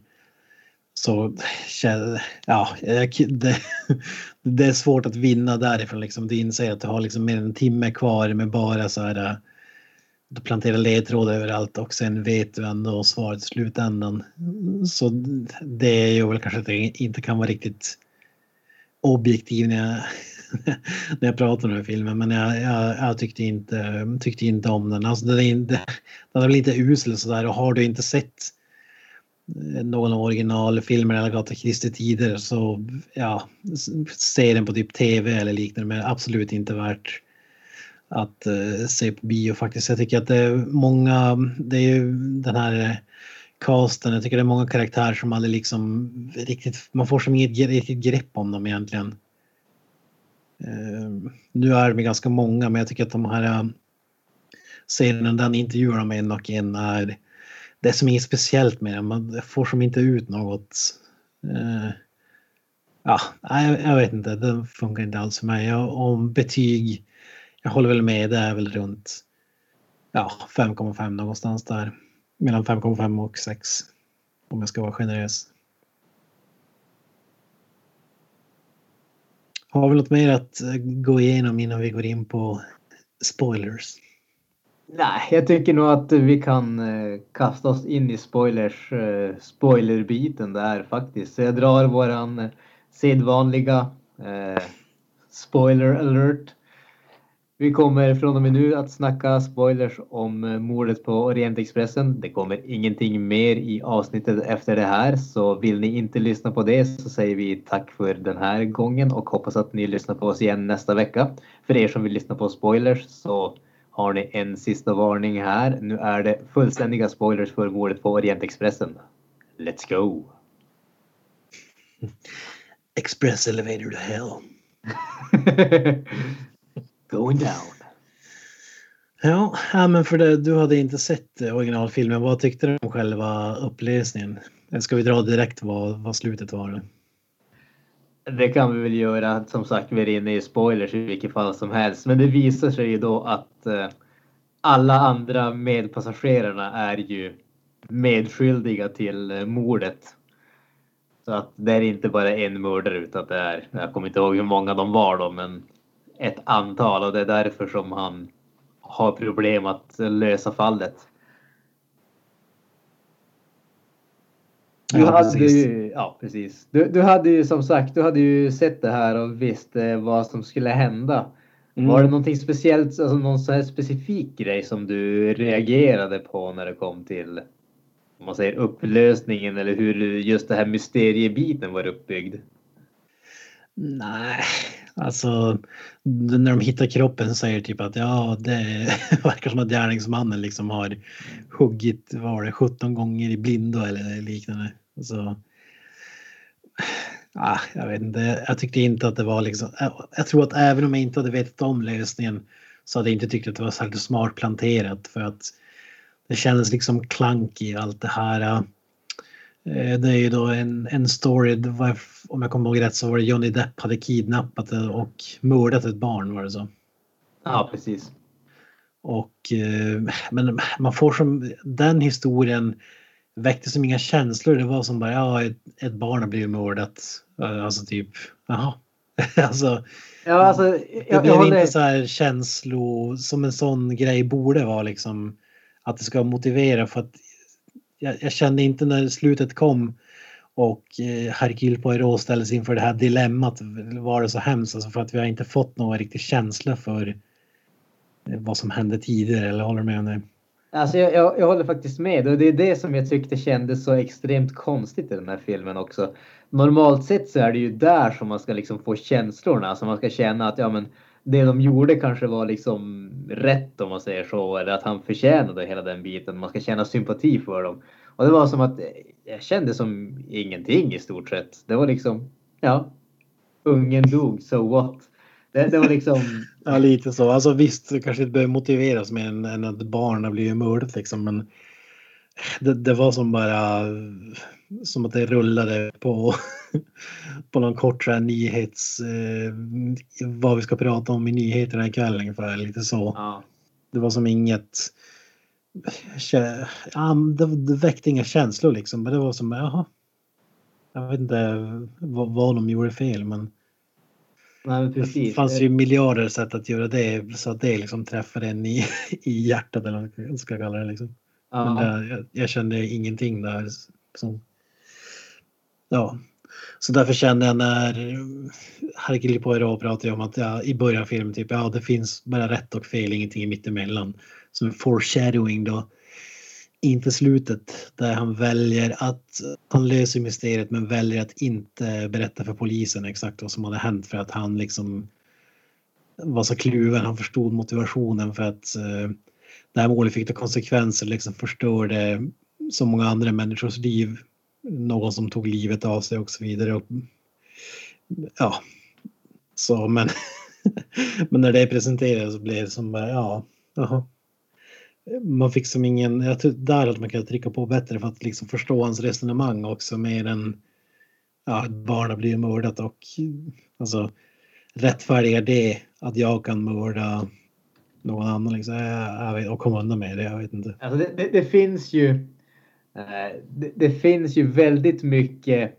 Eh, vad ska man säga? Det finns ju väldigt mycket spån här som du kan bygga om man ser argument när det kommer till moralitet och alla sådana saker här. Det är ju liksom. Det är ju en perfekt. Eh, en perfekt startpunkt för det. Men som du säger, alltså de resonerar ju egentligen aldrig någonting om det. Det är liksom.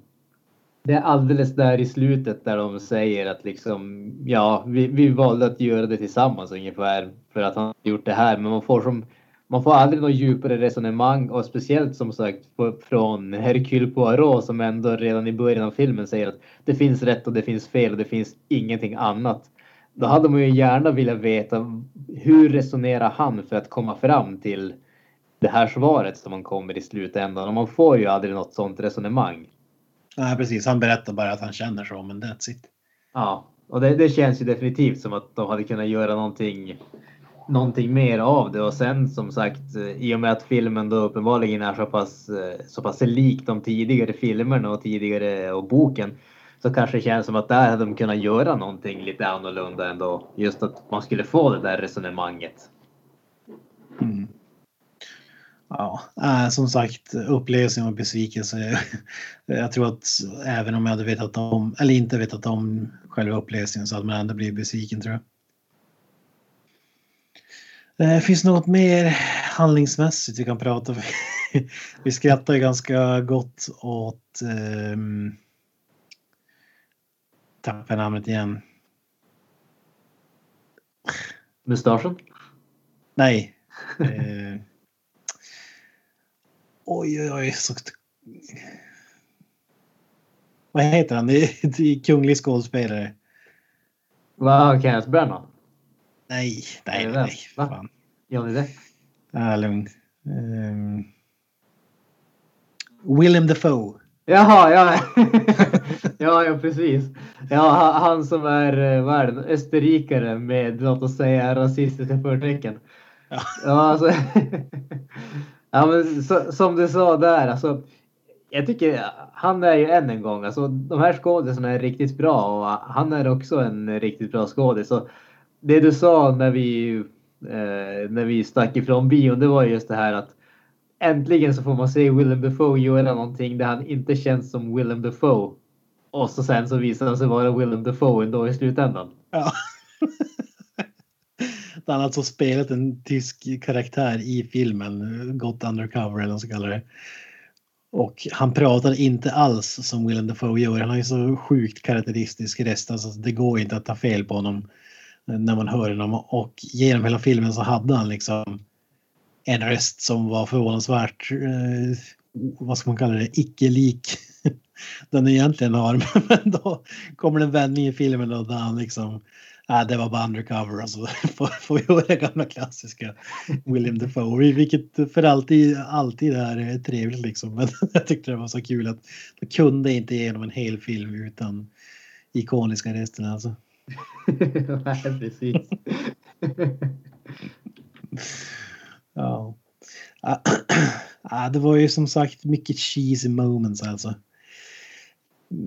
Michelle Pfeiffers karaktär, du tyckte att det var bra men äh, jag kan försöka på att det var helt okej. Men Judi Dench, eh, hon kallas väl inte Q, eller vad kallas hon i James Bond-filmerna? Moneypenny. Eh, ja, nej, Moneypenny är ju sekreteraren. Eh, hon är, ja fasken är det? M, är? M. M, just det, M. Ja. Ja. Herregud.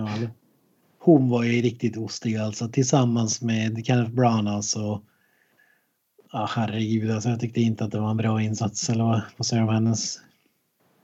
Jag tyckte nog att eh, jag tyckte hon var acceptabel. Jag tycker inte att det är någon av hennes bättre rollprestationer på något som helst sätt. Men jag vet inte, alltså det, känd, det kändes ju som hon kände, på något sätt kändes hon uttråkad i den här filmen. Det, hon, alltså Ja, det, var en phone, det var en phone it in. Ja, det var, det var en phone it in. Alltså jag, jag fick en sån käns, känsla av att hon, hon gjorde det här bara för att få en paycheck ungefär. Ja.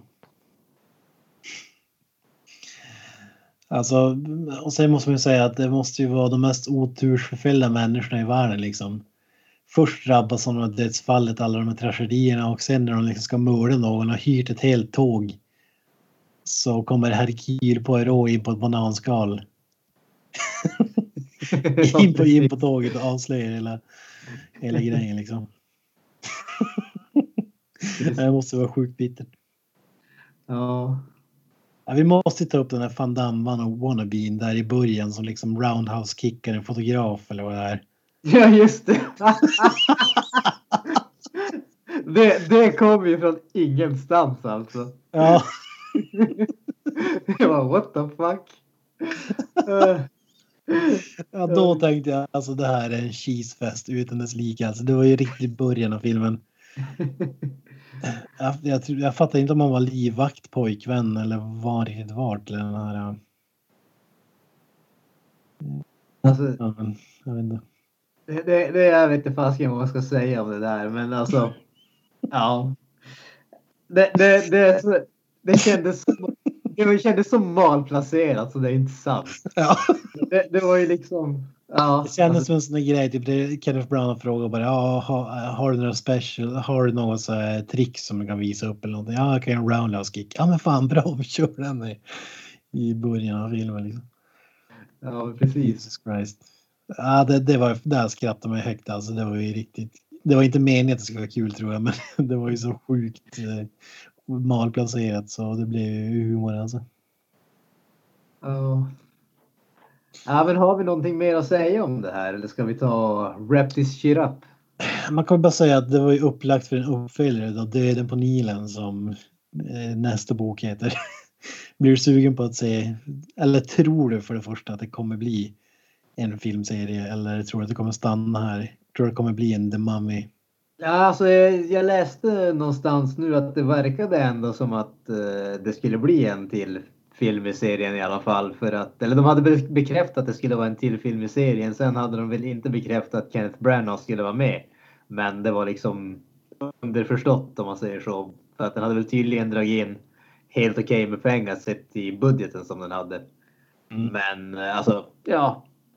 Jag tror inte att jag skulle ha någonting emot att se. Alltså, de här, just de här deckarhistorierna är ju faktiskt, eh, alltså de, de är som lätta att, eh, att bli underhållen av om det är snyggt konstruerat.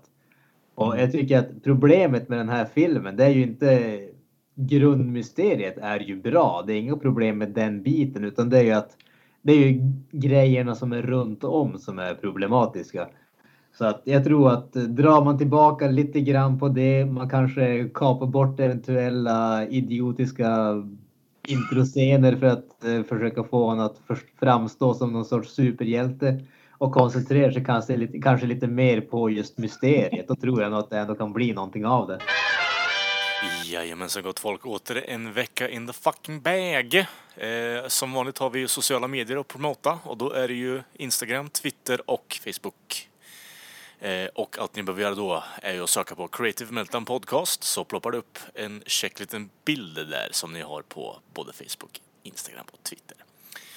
Och ni kan även mejla oss och det gör ni då genom att klicka på mejla här och nu på Facebook-sidan.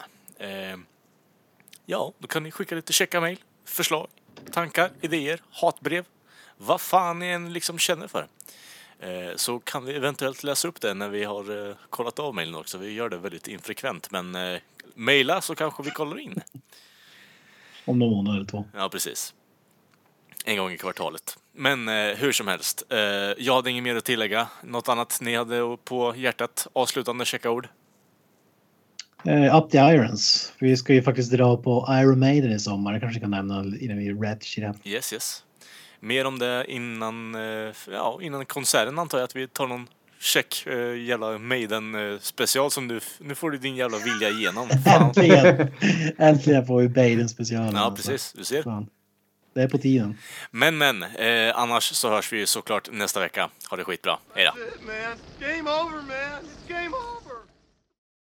Rise, rise, baby.